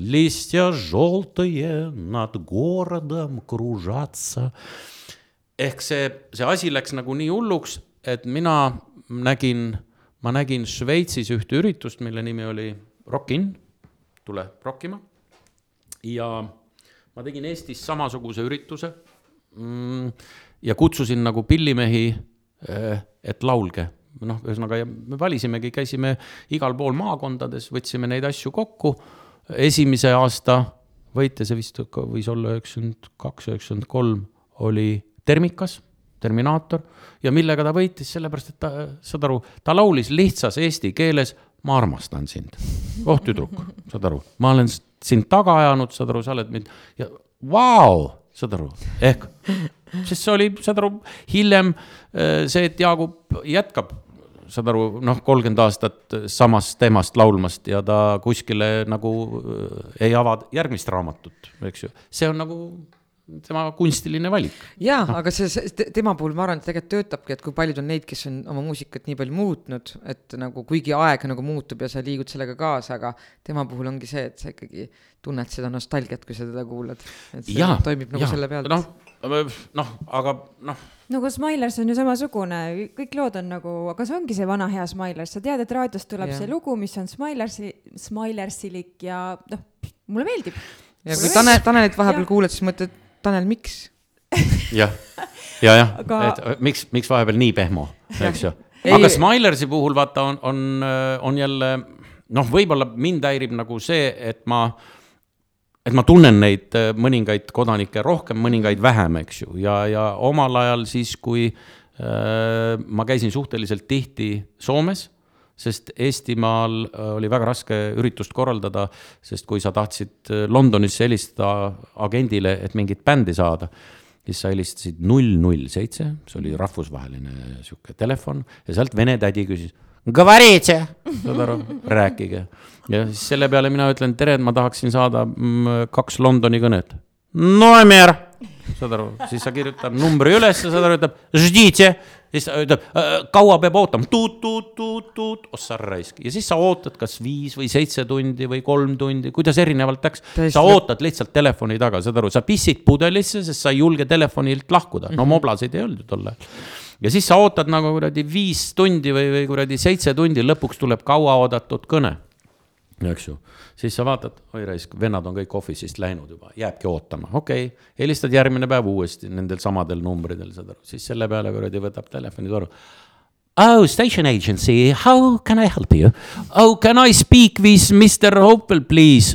Oh, Martin popped out for the coffee, would you call back after five minutes saad aru, ühesõnaga see, see kestis nagu, nagu, nagu mingi kaks nädalat, et sa mõnda inimest kätte said lihtsam oli see, et sa sõitsid siis Soome, kuna noh, viisad olid olemas, eks ju mm. -hmm. sõitsid Soome sõbra juurde office'isse, vajud, võtsid telefoni juurde.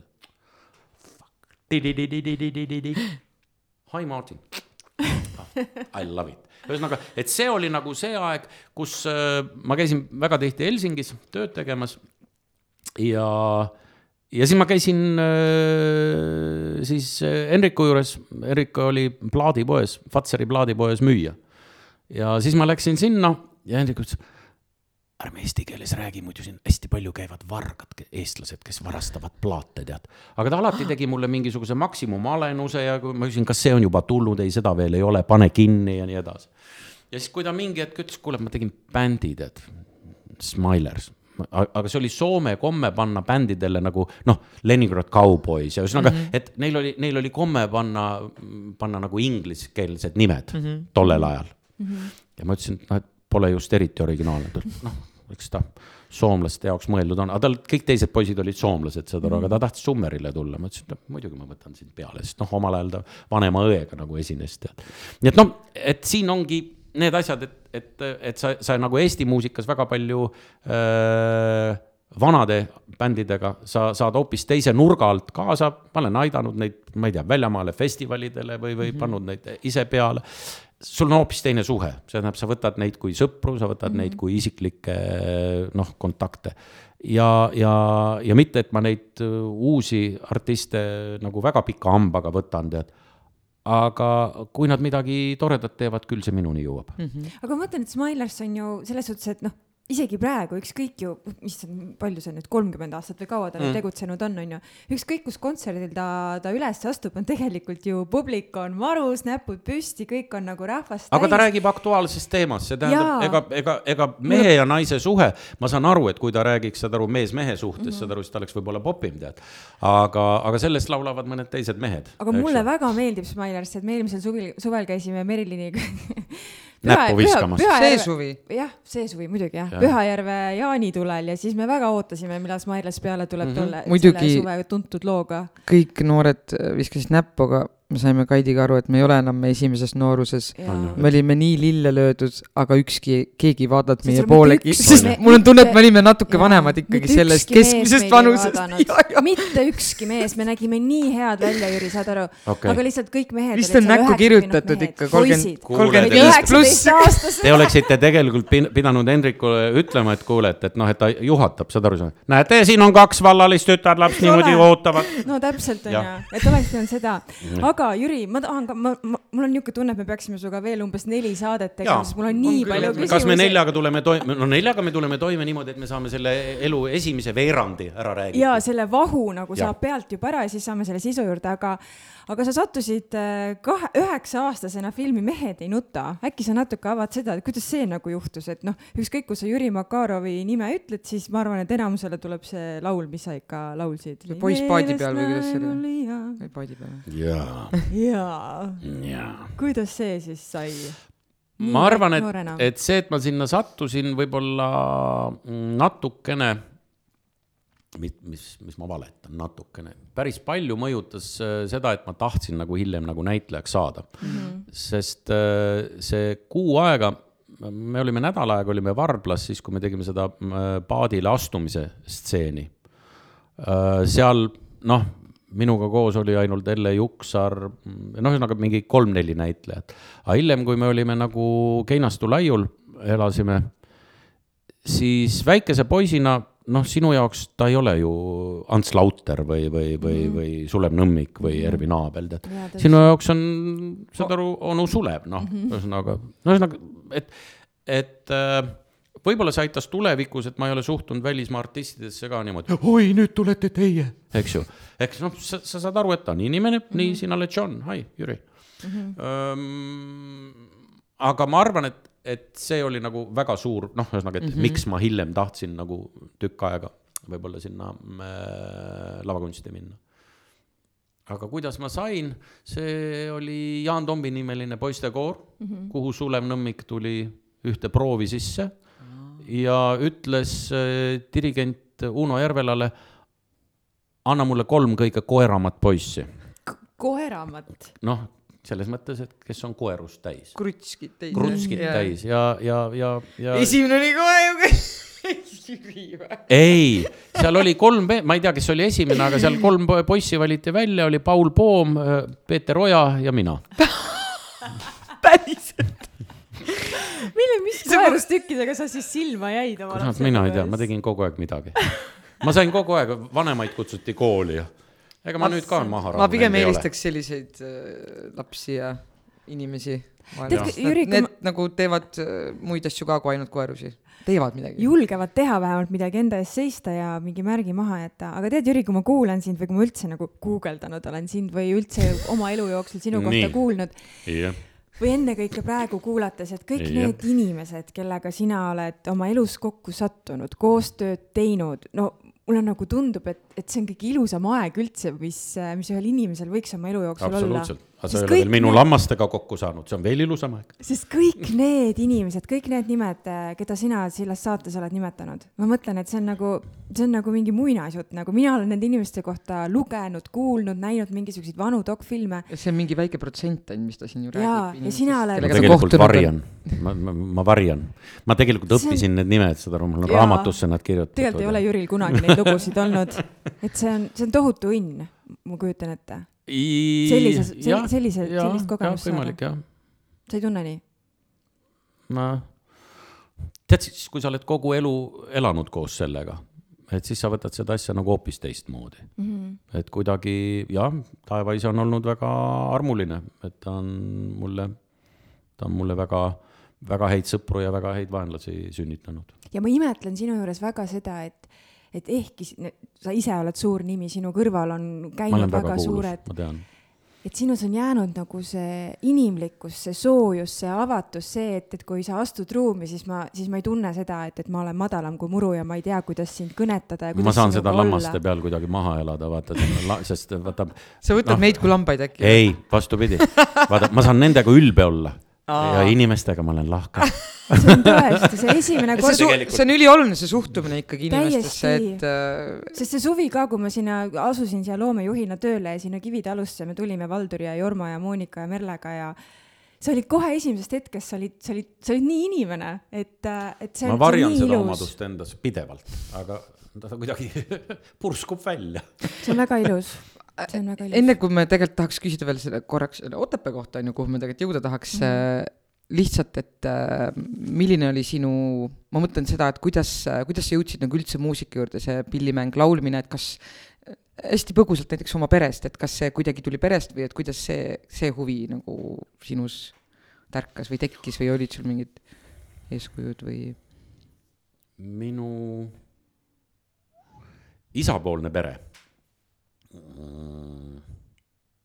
minu isapoolne pere, siis kui ma noor olin, siis sellest ei räägitud absoluutselt midagi, et minu vanaisa oli, oli valgekaardi ohvitser ja ta põgenes seitsmeteistkümnendal aastal Eestisse. ta, ta oli lõpetanud Pariisis Sorbonni ülikooli ja ehitas tsaarile hüdroelektrijaamasid. ja nii, kui äh, tuli revolutsioon, kuna nad olid äh, kapitalistid ja suurmaaomanikud Peterburis, siis äh, kolm venda viiest vennast läksid nagu revolutsiooni poole, need tahtsid nagu töölisklassile paremat ja head, aga kaks venda öö, ei läinud. ja nende hulgas siis samamoodi ütleme, minu vanaisa, kes põgenes siis oma pruudiga, põgenes Eestisse mm,. Need teised vennad tapeti ära mm need, kes sinna jäid. Et nad küll taht-, tahtsid proletariaadile head, aga nad olid valest, nad olid ikkagi halvad, nad olid kapitalistid olnud. nii et noh, et, et see on nagu sihuke mm -hmm. nagu karma moment. ja vanaisa äh, tuli siia mm, Eestisse, andis oma kuldinkrustatsioonidega mõõga altkäemaksuks piirivalvuritele ja kui mõni piirivalvur kuuleb ja kellelgi on tuttavaid, kes on, et kuhu on peale kirjutatud Pavel Makarovile, Aleksander kolmandalt, siis paluks, ma hea meelega lunastaks selle välja. et äh, ma olen näinud pildi peal seda mõõka ja ta läks, kuna ta enam-vähem teadis ühte-teist, ta oli üksteist elektrijaama ehitanud tsaarile Venemaal, et siis ta läks Ulila mm,, Ulila elektrijaama tööle katlakütjana. ta ütles, et ta on Pihkva talupoeg ja tema oskab katelt kütta. ja siis ta küttiski seal katelt, kuni ükskord see elektrijaam läks katki. Ehm, ja siis ta ütles sellele omanikule, et anna mulle võtmed, ma natukene vaatan, mis siin on ja siis tunni aja pärast panin korda, aga juba oli Saksamaalt grupitehasest tellitud õudsed tagavaraosad ja nii edasi. selle peale see elektrijaama omanik vaatas talle, ütles Pavel, ma kogu aeg kahtlustasin, et sa ei ole talupoeg aga nendega tuli kaasa, ühesõnaga, kuna tol hetkel elektriga oli kehvasti, siis äh, äh, vanaisa Pavel ja tema naine, minu vanaema Janina, nad tegid üheksa last ja nendest üheksast lapsest, vaata, kui elektrit ei ole pimedas. sa ikka teed, on ju. eks ju, et siin on nagu tegelikult praegu, praegu juhtkiri meie, meie noortele peaks äh, leppima kokku, et. et teeks elektrikatkestuse. kell üheksa lähevad tuled kustu, on ju. ei, miks, see ei sõltu ka kellaajast, millal tuksatab. erinevad momendid on tead. ja, ja, ja siis äh, minu isa oli seal viies laps. Mm, ja neile isa õpetas, et iga laps peab tea, oskama vähemalt ühte äh, keelpilli. ja minu isa oskas siis kitarri mängida ja balalaikat. ja hiljem ta isegi Punase Reti bändis mängis kidrat. see oli nagu džässbänd või noh, tantsuks. ja vanaema Janina äh, leidis, et iga laps peab oskama vähemalt ühte keelpilli.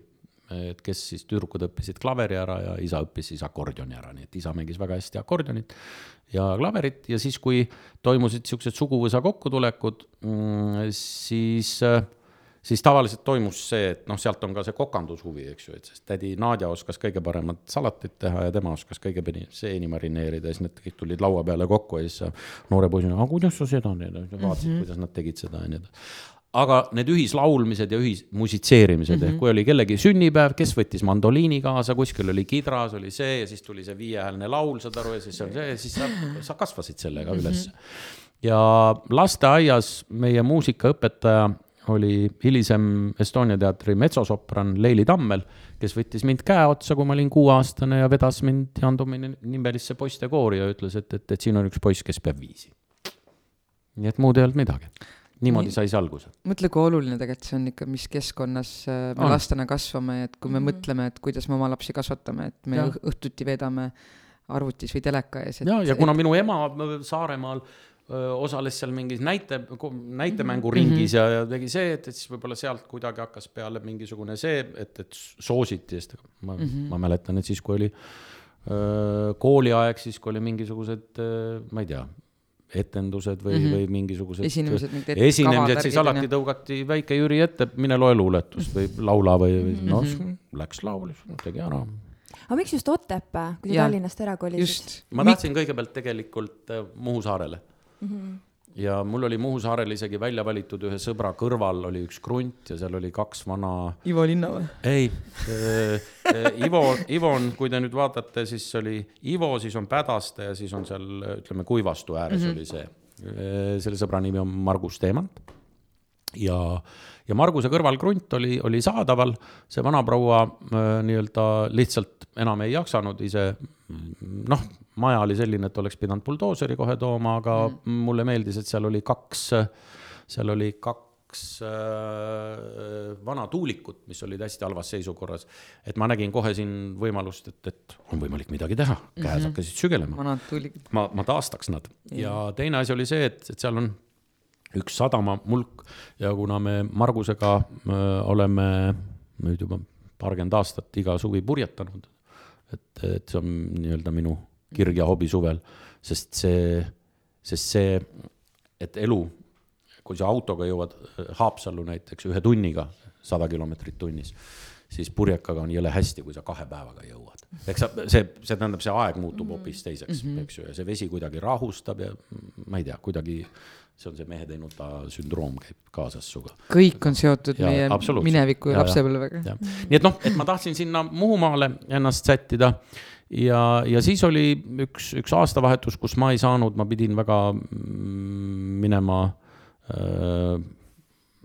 me sõitsime kõik kambaga seal Ivo juures, me pidasime aastavahetust, meil oli mingi viis peret või, või nii ja, ja, ja, ja mina läksin üksinda, sellepärast et mu noorem tütar jäi haigeks. ja siis me sõitsime Liivale, see oli ainuke koht, kus oli mobiiltelefoni mast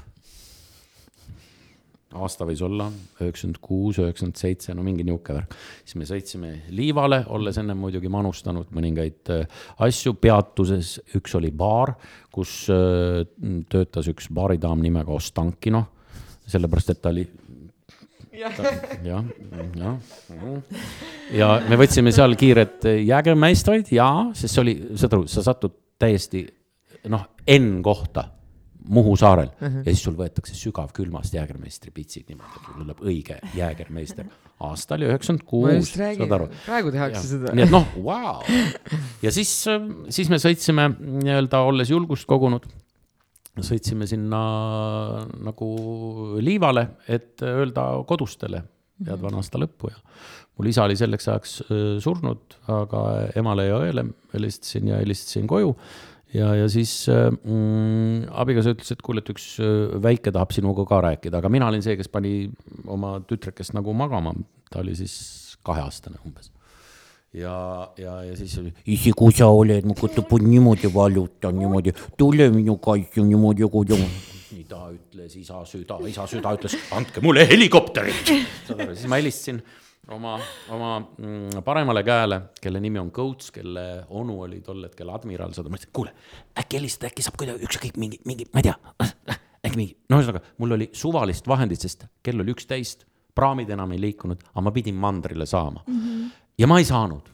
ja tead, hommikuks oli see nagu ära käinud, et okei okay,, senikaua, kuni sul on asjad nii-öelda mandri peal, sa ei saa seda teha aga tolleks ajaks ma olin aidanud Oinuse Tommil seda Vidrike galoppi juba korraldada ligi mm -hmm. kümme aastat, eks ju, siia tassides mingeid bände ja, ja toetades teda kuidagi mm -hmm. nii-öelda reklaamide ja asjadega.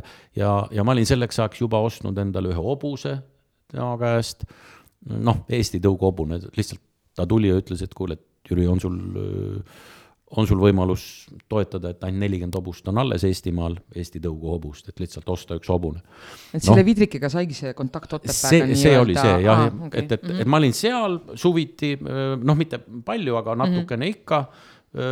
vanemad lapsed käisid seal ratsalaagrites, nooremad käisid juba Marek Piho juures, eks mm -hmm. ju, Ameerikase juures, ma mõtlen Tobretallides mm. -hmm. ja talvel me üürisime Mustamäel ekspluatatsioonivalitsuse suvilat äh, Arulas äh, mingiks nädalaks ajaks oma juhtkonnaga, kes siis tulime ja siis me suusatasime ja nii et noh, see oli nagu suvine ja talvine, sest noh, talvel noh, Saaremaa on niisugune ühe teraga mõõk, et sul on kaks pool kuud on sul action-maction, eks ju, ja mhm. pärast jääd on. jah, lund ka tihtipeale pole, et seal on lihtsalt soe, on ju. jah, nii et, et see oli nagu normaalne mõte, et, et ja, aga mul kestis ikkagi kaks aastat, et ma koha leiaksin, sest ma, mulle nii-öelda minu abiline otsis mulle alati kinnisvaraportaalidest igalt poolt umbes mingi noh, viis, kuus, seitse, kümme erinevat äh, asja ülesse, siis ma sõitsin jälle Lõuna-Eestisse, võtsin Sentantas või, või Pühakal võtsin toa, sõitsin igalt poolt äh, läbi, saad aru, aga siis sa sõidad sinna, ei lõhna, edasi, järgmisel päeval, ei lõhna. ja siis ma sõitsin ühel hetkel Kivitallu sisse lõhnab mm. -hmm.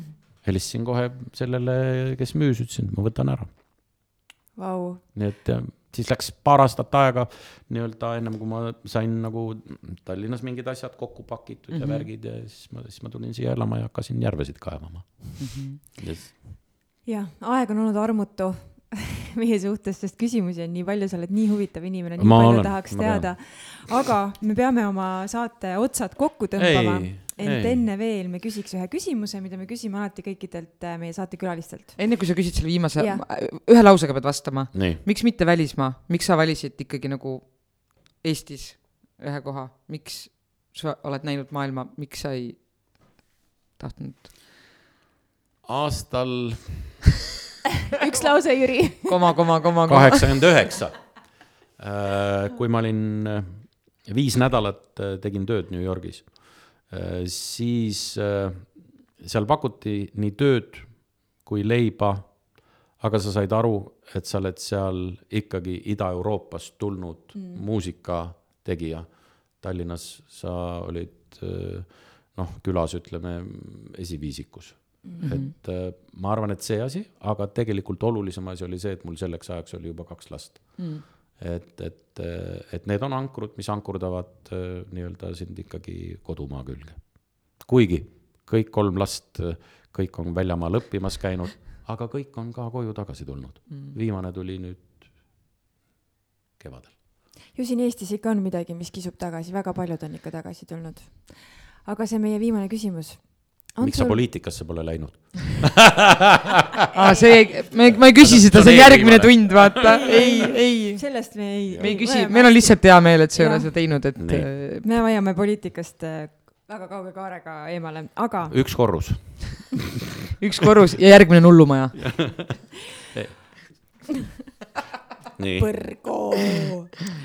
meie viimane küsimus siis, et mis on see mõttetera või tsitaat, mis sind kannab nendel päevadel, kui sul ei ole olnud just kõige parem päev? äh, mul ei ole tsitaati. mul on see, et siis, kui mul on mingisugune töö või mingi asi on, ma hakkan laulma Heli Redelit. ja ma laulan lihtsalt Heli Redelit. päriselt? ta-ta-ta-ta-ta, ma tean, et see, see tundub tund-, tundub imelik, aga ma laulan Heli Redelit. kas sa oskad? Sest see lõpeb ära ühel hetkel, see, see olukord. au, miks sa, huvitav, tea, kust see tuleb nagu? Ma ei tea. ma ei tea. sellega ma olen nõus, et äh, kui mul on mingisugune ärev hetk, siis ma vahepeal teen lihtsalt niimoodi, no mingid nagu täiesti mingid suvalised äh, lälinad tahan suust välja sest see aitab mul kuidagi keskenduda või kuidagi nagu äh, pühkida vist ära selle asja nagu, mis oli nagu, et see nagu petab kuidagi seda või lükkab need mõtted ära nojah, aga teinekord on see, et sa, sa teed mingisugust tööd, mis on nii rutiinne, aga sa pead selle ära tegema mm. -hmm. sa saad aru, et sa pead selle ära tegema mm. -hmm. ja ma ei tea, ma hakkan lihtsalt sisemuses laulma Heli Redelit ja ühel hetkel on see töö tehtud, saad aru, ma teen, ma saan aru, et ma pean tund aega, ma ei tea, mingeid puid tassima tuppa või saad aru, ühesõnaga ta, see ei ole väga loominguline tegevus. mul isa vilistab nagu mingit viisi nagu või nagu, jah, aga see, teeb see on i- tööd. iseeneslik, seda See on näha nagu mingi- mingi. ma ei, ma ei oska öelda, miks. on sul endal mingi mõte? mida sa tahaks raadiokuulajale öelda just täna?, nagu näha kohe vana raadiotegija. ja tahaks teile öelda mõttega niimoodi. kunagi, räägin muuseas hea nalja. mis, mis olekski lõpulauseks inimestele väga hea tead. Phil Collins ükskord läks stu- stuudiosse, saad aru, ja, ja ütles, et, et, et noh, et, et te olete kolm korda keeldunud intervjuust minuga, noh, jälle tuntud saatejuht, Inglise saatejuht, et noh, et milles küsimus on? ja ta ütles selle peale, et teate kuna te eraelus helis-, helistasite mulle ja küsisite sellise, aga ma olin kuulnud teil raadios, et hi, this is JC Jason and you know this is me. ja kui te eraelis, elus helistasite mulle, tere, this is JC Jason. et siis ma sain aru, et seal selja taga on nii palju efektiblokke ja, ja minul on vastupidi. ma tean, et mul on väga seksikas hääl. aga siis, kui te keerate kõik need nupud maha, siis et seetõttu ma tahaks ka kõikidele otepäällastele öelda, et ei ole vaja mõelda nuppude peale, on vaja lihtsalt ületada neid. Me oleme väga tänulikud, et sa meie kutse vastu võtsid tõesti ja mul ei ole nii palju, ma panen viieka tagasi. viis tuhat jah? et sa leidsid rea- aega enda kiires elutempos ikkagi tulla Jah. meile siia, kuigi meie nii kuulajad säravate on, triinude juurde on alati. et jõudu ja edu sulle ja hoia Ja, ennast ja, ja kindlasti kohtume veel. ja aitäh sulle, Jüri. jaa, oota, ajame, ajame kuulajad äh, akna alt ka ära, liiga palju. vabakuulajad, okei, ilusat päeva. davai, vol üks läbi. ei meelest lähe mul iial teatrikuumad ööd, ei meelest lähe see viga, kel silmad justkui sööd, seal rööbatud sai viskid, meil noored polnud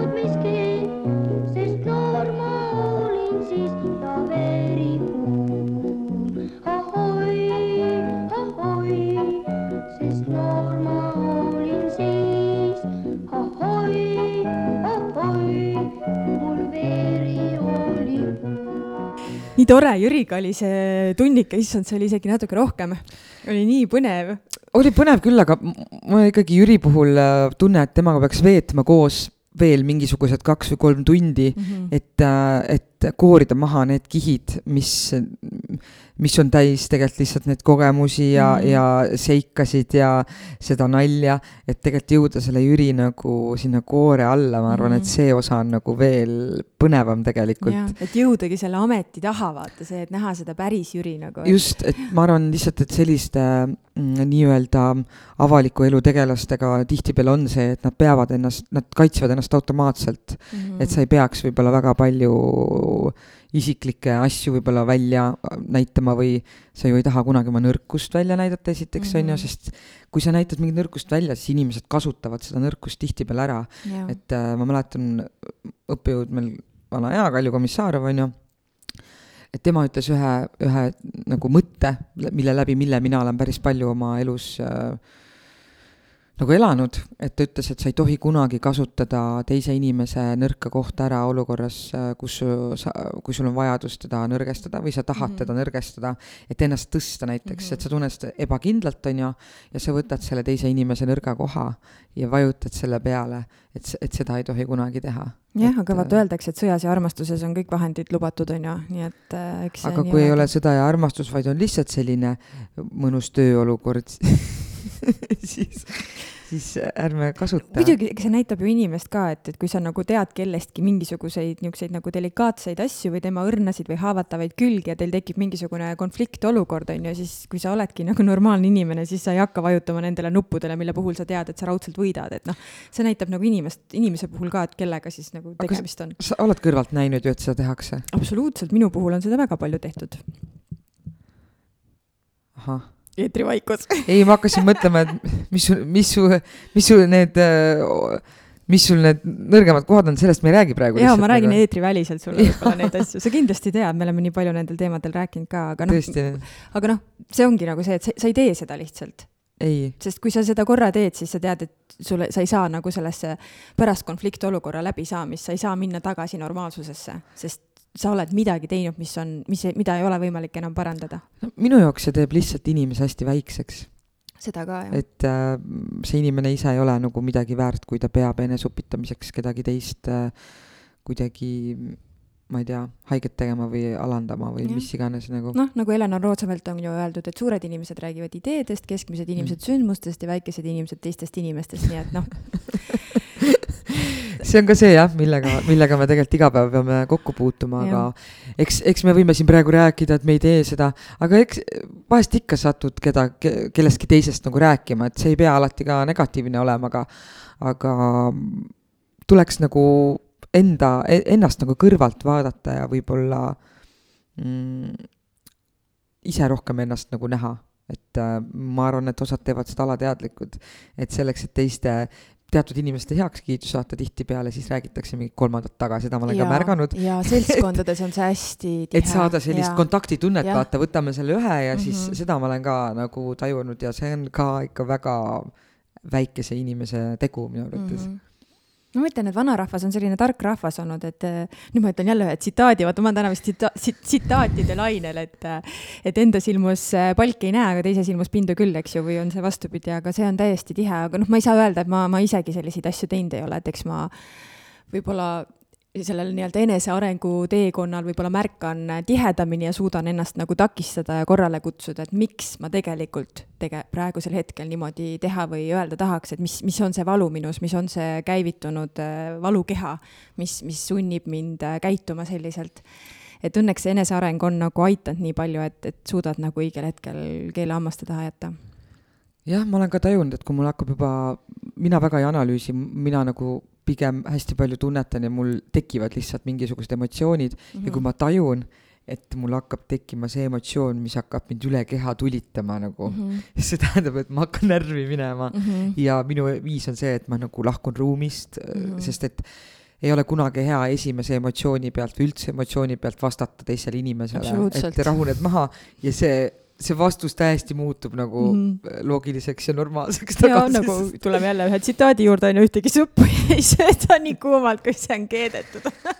Jah, valel on ka lühikesed jalad ja ja aga suur tükk ajab ka suu lõhki, ärge siis palju korraga tehke tööd. Aga jaa, ega kokkuvõttes äh, Jüriga oli väga põnev, ta tekitab ise sellise tunde, et, et temaga on mõnus äh, koos ruumis olla ja ja ma usun, et me kindlasti äh, kohtume temaga veel. jaa, ta on, ta on nii huvitav inimene, mul on tunne, et ükskõik, mis äh, sõna või lause me ütlesime, siis tal oli iga, iga lause või mõttega oli tal nagu uus lugu, uus lugu, uus lugu, et äh, ma kujutan ette, et see, millega ta tegelikult oma elu jooksul tegelenud on või milliste inimestega kokku puutunud, on võib-olla ainult üks kümnendik, mida me praegusel hetkel suutsime nagu meie saates nii-öelda, millele suutsime nii-öelda valgust heita. tead, see on ebaaus tegelikult natukene. et tal on nii huvitav elu olnud või selles mõttes, et ma saan aru, me sünnime kõik ühtemoodi, onju. Mhm. noh, keegi ei ole kapsalehe alt tulnud, onju. me sünnime ilma kõik ühtemoodi, aga vaata, kui erinevad meist saavad nagu et kuidas mõnele antakse rohkem ja teisele antakse vähem, nagu kuidas see jumal oli seal kulbiga mõistust ja ma ei tea, mis seal, see. no vot, see ongi vist see teema, kus, mis on niisugune natuke spirituaalne, mina, ma võib-olla enda nagu vaadete, eh, vaadete nurgast siis oskaks sulle seda vastata, et, et kuna me justkui ise valime oma teekonna, eks ju, et me, see reinkarnatsioon ja kõik see värk, et hing ise valib oma teekonna, mis kogemusi ta soovib siia tulla saama, et võib-olla see ongi, et äh, võib-olla Jüril on lihtsalt väga suur missioon siin elus täita ja mõnel teisel ei ole näiteks nii suurt missiooni. Ja ma arvan, et see oleneb ka hästi palju võib-olla isikuomadustest, et kas, kas sinus on nii palju julgust ja vaprust sellest mugavustsoonist välja astuda.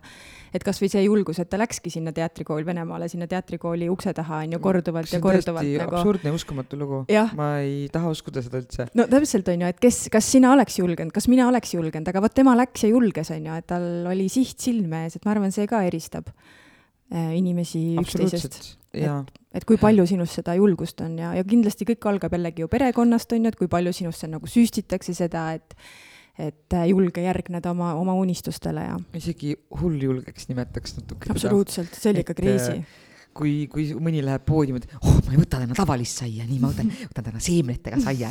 ma olen, aga see on ka juba tegelikult väike samm mugavustsoonist välja tulemas, sa ei pea tegema nii suuri muutusi. aga kui sa teed juba midagi uut, kas sa proovid mingit, tõesti mingit uut toitu või mm -hmm. proovid mingit uut tegevust või ma ei tea, vaatad kasvõi mingit uut sarja, filmi uut muusikat, mida sa pole mm -hmm. varem, et see kõik tegelikult äh, võib avada sul mingisuguseid uksi ja arendada sind täiega. kusjuures see muusika asi on sul nii huvitav, et kui ma hommikuti Elvast Otepääle sõidan, eks ju, siis mul on kogu aeg see, et kas ma panen selle, mis mul on see oma list, on ju, kus, mis on nagu laulud, mis mulle meeldivad, või siis vaata Spotify iga esmaspäev annab sulle nagu uue valiku mm -hmm. nagu lähtudes siis sellest, mida sa siiamaani kuulanud oled ja siis mul on alati valiku ees, et kas ma lähen nagu selle peale, mis ma tean, et on kindel, mulle meeldivad need lood, või ma panen siis selle listi käima nagu, kus on nagu uued lood mm. -hmm. ja vahepeal ma tunnengi seda, et vahepeal ma tunnen, et ei, ma tahan seda vana turvalist asja ja ma tean, kuidas mul sõit kulgeb mm. -hmm. ja mhm. vahepeal ma tunnen, et mul on kohe hommikul selline niisugune krutsk sees, vaata, oh, ma panen täna teise playlist'i ka täna olen hull julge. ja täna olen hull julge, kuulan kuule sedasama äh, vana plaati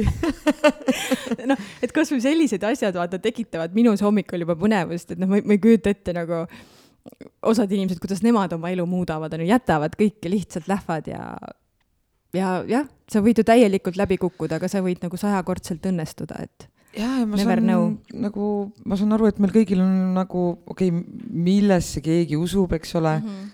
aga praegu siin, olles vaadates sind, mina istun siin, siis tegelikult meil on see üks võimalus praegu hetkel meiena äh, teha mida iganes me tahame.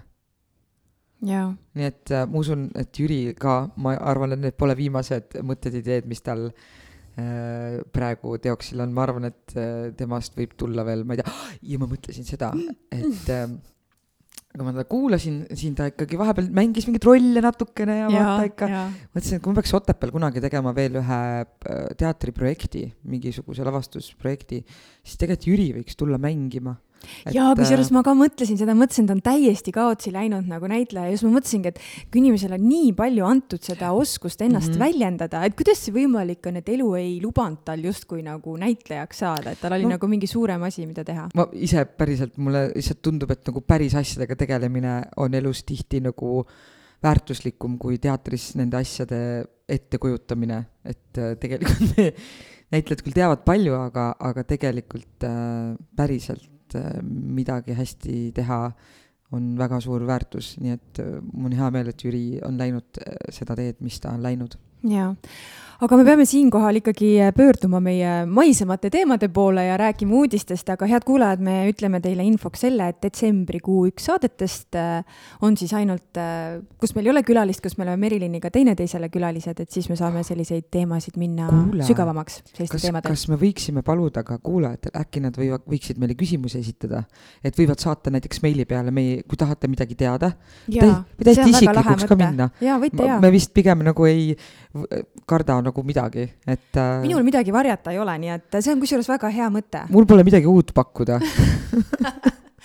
et jaa, head kuulajad, saatke meile küsimusi, mida te tahaksite minu ja Merilini kohta teada ja selles detsembrikuu saates, kui me siin äh, oleme mõnusalt jõuluootuses ja räägime kõigest sellest, kõigiga tülli läinud, kellelegi kingitusi tegema ei pea.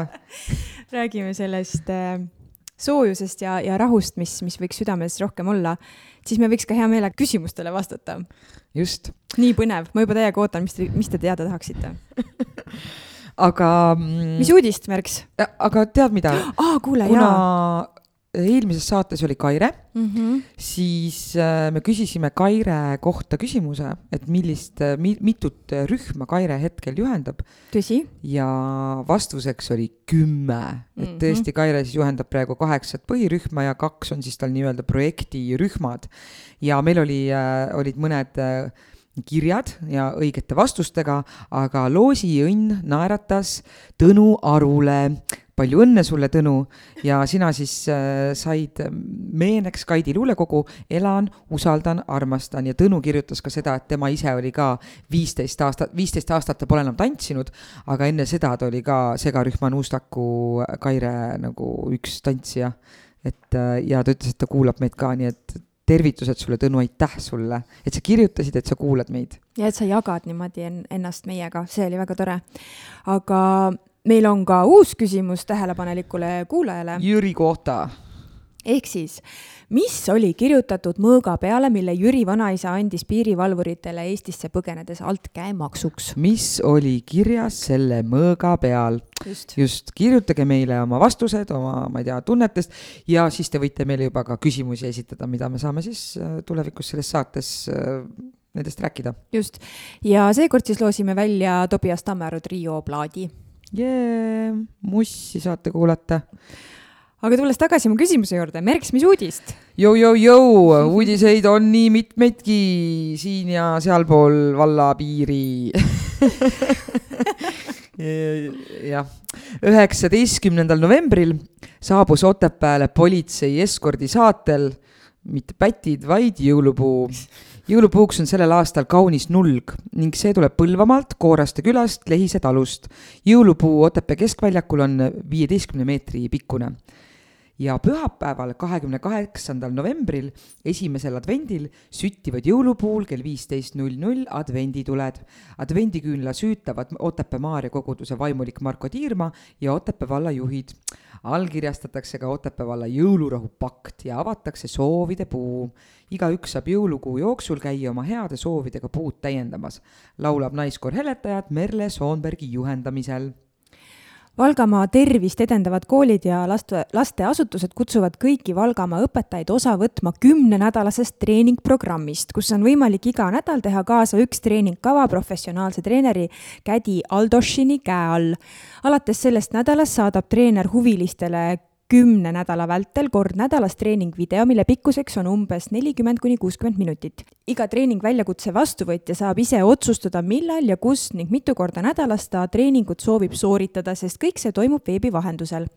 igal nädalal saadab Valgamaa tervist edendavate koolide lasteasutuste koordinaator treeningvideo kooli või lasteaiajuhile, kes edastab video töötajate listi, kus iga õpetaja või asjast huvitunu saab treeningule ligi. see on küll lahe, väga lahe ettevõtmine jaa, kui minu äh, klassiõde Otepää gümnaasiumist äh, käisin no, joogat tegemas tegelikult igal neljapäeval, aga siis ta sai endale väikse tita mm -hmm. ja siis ta ei saanud enam käia, aga ta tegi, siis tuli ka koroona ja ta tegi meile koduvideosid, et äh, ja me tegime, siiamaani ma kasutan tegelikult neid videosid. minu arust see on, oli väga tänuväärne, et ma võin küll netist võtta äh,, guugeldada ja teha mingisuguse suvalise tädi järgi, kes elab kuskil Ameerikas või mm -hmm. Inglismaal aga kui ikka oma inimene Eesti, eesti häälega ja turvaline, siis sa juba tead ka, millised on tema kavad, et, et, et sul on lihtne nagu temaga teha, et mm -hmm. minu arust see oli nii tore ettevõtmine.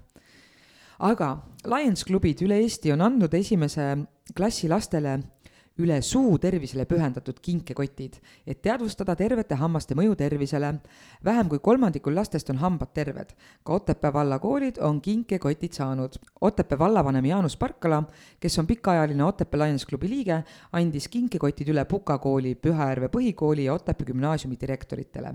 Geeni põhikoolile andis kinkekotid üle Valga Lions klubi esindaja kõik tänavu esimesse klassi läinud neliteist tuhat kolmkümmend kaheksa last saavad koostöös Suu kooliga valminud kingikoti, mis sisaldab hambaharja ja pastat hambapastat, Suu kooli ja Lions äh, liikumise teabelehte, Punase Risti plaastrit ja lõvihelkurit. kingituse eesmärk on teadvustada, et terved hambad tagavad lisaks kaunile naeratusele ka head tervise. Lions klubid ühendavad inimesi, kes soovivad panustada ühiskonna heaks. Eesti Lions piirkonda kuulub kuuskümmend kaks klubi rohkem kui tuhande kahesaja liikmega.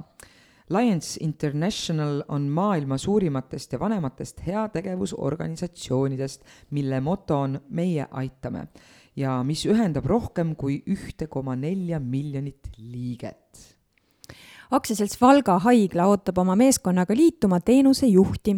teenusejuhi ülesanne on ühendada Valga Haigla patsientide parema tervise ja heaolu heaks tervishoiu ja sotsiaalvaldkonna osapooled ning kogukond. kandideerimiseks palume esitada eluloo kirjeldust, haridust tõendav dokument ja palgasoov kümnendaks detsembriks e-posti aadressil info at valgahaigla.ee märksõnaga teenusejuht. lisainfot saab sisuliste küsimuste korral aktsiaselts Valga Haigla juhatajalt Apo Ojalt e-posti aadressil apo.oja at valgahaigla.ee.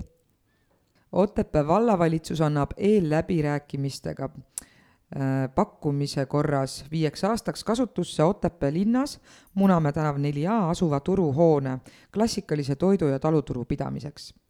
turuhoone operaatori peamisteks ülesanneteks on turutegevuse käivitamine juhtimine, sealhulgas tegevusplaani koostamine ja müüjate leidmine, turuhoone koristamine ja hoone ümbruse korrashoid, turu toimimise igapäevane tagamine ja hea külastaja kogemuse loomine oma visioon Otepää turuhoone toimimisest ja pakkumustasu suuruse kohta esitada hiljemalt kümnendaks detsembriks e-posti aadressile vald at otepaa.ee. nõuetele vastava pakkumise teinud osalejad kutsutakse eelläbirääkimistele. lisainfo www.otepaa.ee või telefonil viis null kolm kuus üks null üheksa Jaanus Parkala Otepääl asuv tehnoloogia ja kunstitalu Maajaam kuulutab välja kunstnikele suunatud avatud konkursinäitusele Wild Bits ehk metsikud bitid, mis kulmineerub vabaõhunäitusega Maajaama ümbritsevate Lõuna-Eesti kuppelmaastike vahel Otepääl. Wild Bits on osa Euroopa kultuuripealinn Tartu kaks tuhat kakskümmend neli põhiprogrammist. maajaam kutsub kunstnikke unistama, uurima ja leiutama, et näiliselt sünges tulevikus näha positiivset ja inspireerida muutusi paremuse poole, sõnab tehnoloogilise talu eestvedaja Timo Toots kunstiteosed peavad sobituma maajaama ümbruse mitmekesisele loodusmaastikule, metsa, põllu, sooaladele või veekogudele, oja või järvekeskkonda ja vastu pidama välitingimustes. osalema on oodatud nii Eesti kui välisriikide erinevate distsipliinide kunstnikud. projekti ideid oodatakse kuni kaheteistkümnenda detsembrini ja tulemused selguvad veebruaris aastal kaks tuhat kakskümmend kaks.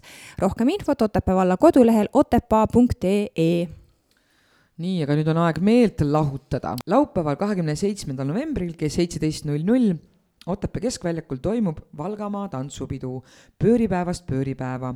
meeleolukalt toovad tantsijad teieni Eesti imeilusad neli aastaaega. ligi viissada tantsijat peegeldavad värvikalt enda tundeid ja mõtteid ühest pööripäevast teiseni. tule ja veeda üks kaunis õhtupoolik Otepääle ja pidu on tasuta ja laupäeval, kahekümne seitsmendal novembril kella kaheksast õhtul kuni üheteistkümneni õhtul Puka kultuurimajas toimub Kadri päeva maskishow koos ansambliga Elumees. vali garderoobist välja oma parim riietus, viksikingad läikima, lokita juuksed ning tule Kadri päeva maskeraadi nautima. Kadri päeva maskeraadil jälgime Eesti Vabariigi valitsuse poolt seotud reegleid. kohtade arv on piiratud. laua broneerimiseks saada palun sõnum telefonil viis, viis, viis, kolm, kolm, viis, kuus, neli või kirjuta katrin.tuhvert at otepaa.ee ja kahekümne kaheksandal novembril ehk siis esimesel advendil kell kaksteist null null toimub advendiküünla süütamine Sangaste kultuurimaja pargis, pakutakse kuuma jooki ja kringlit. kell viisteist null null Otepää keskväljakul toimub advendiküünla süütamine ja jõulurahu väljakuulutamine ja soovide puu avamine. küünla süütavad Otepää Maarja koguduse vaimulik Marko Tiirma ja Otepää valla juhid. laulab naiskoor Heletajad Merle Soonbergi juhendamisel ja kell kuusteist null null toimub siis esimese advendi tähistamine Puka jõulupuu juures. pirukad, kringel, piparkoogid, kohv ja tee. tulede süütamine jõulupuul, advendiküünalde süütamine. advendiaja soovi esitab Sangaste Püha ähm, Andrease koguduse diakon Tanel Meiel.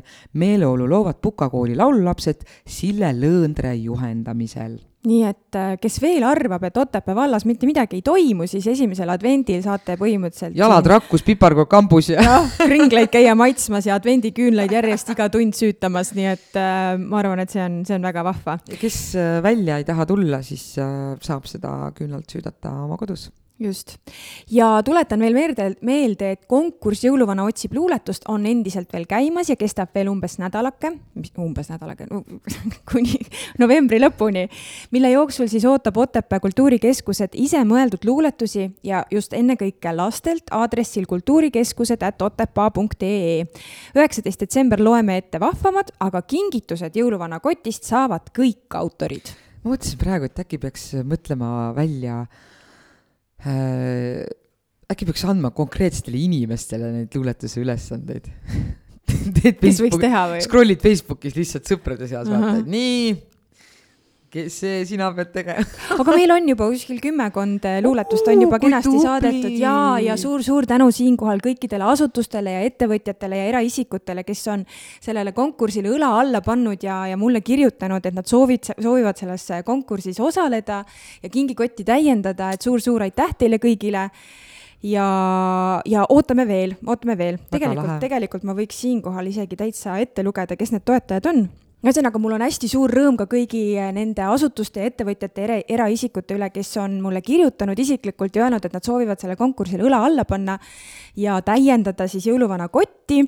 Et kõik äh, luuletuste autorid saaksid kingitused ja siinkohal ma siis toon välja, et, et jõuluvana kotti on panustanud siis Winterplace, Edwin Teelen ja ettevõte Step to Work, Ugandi Resto, GMP restoran, Sangaste mõisa ringtall, Otepää vald, siis Pühajärve paadisadam, Otepää kultuurikeskused.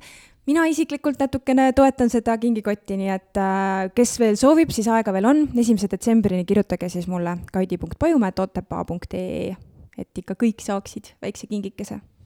väga lahe. nii tore, nii tore Mhm. tõesti, mul on nii hea meel selle üle. kuule, aga tore oli Oli ja hea. ma ei tea, kohtume siis järgmine nädal. jah, kirjutage siis meile tunnike otepää.gmail.com või Facebooki ja ja jooge sooja teed ja hoidke varbad soojas. mm. -hmm. tšau, tšau.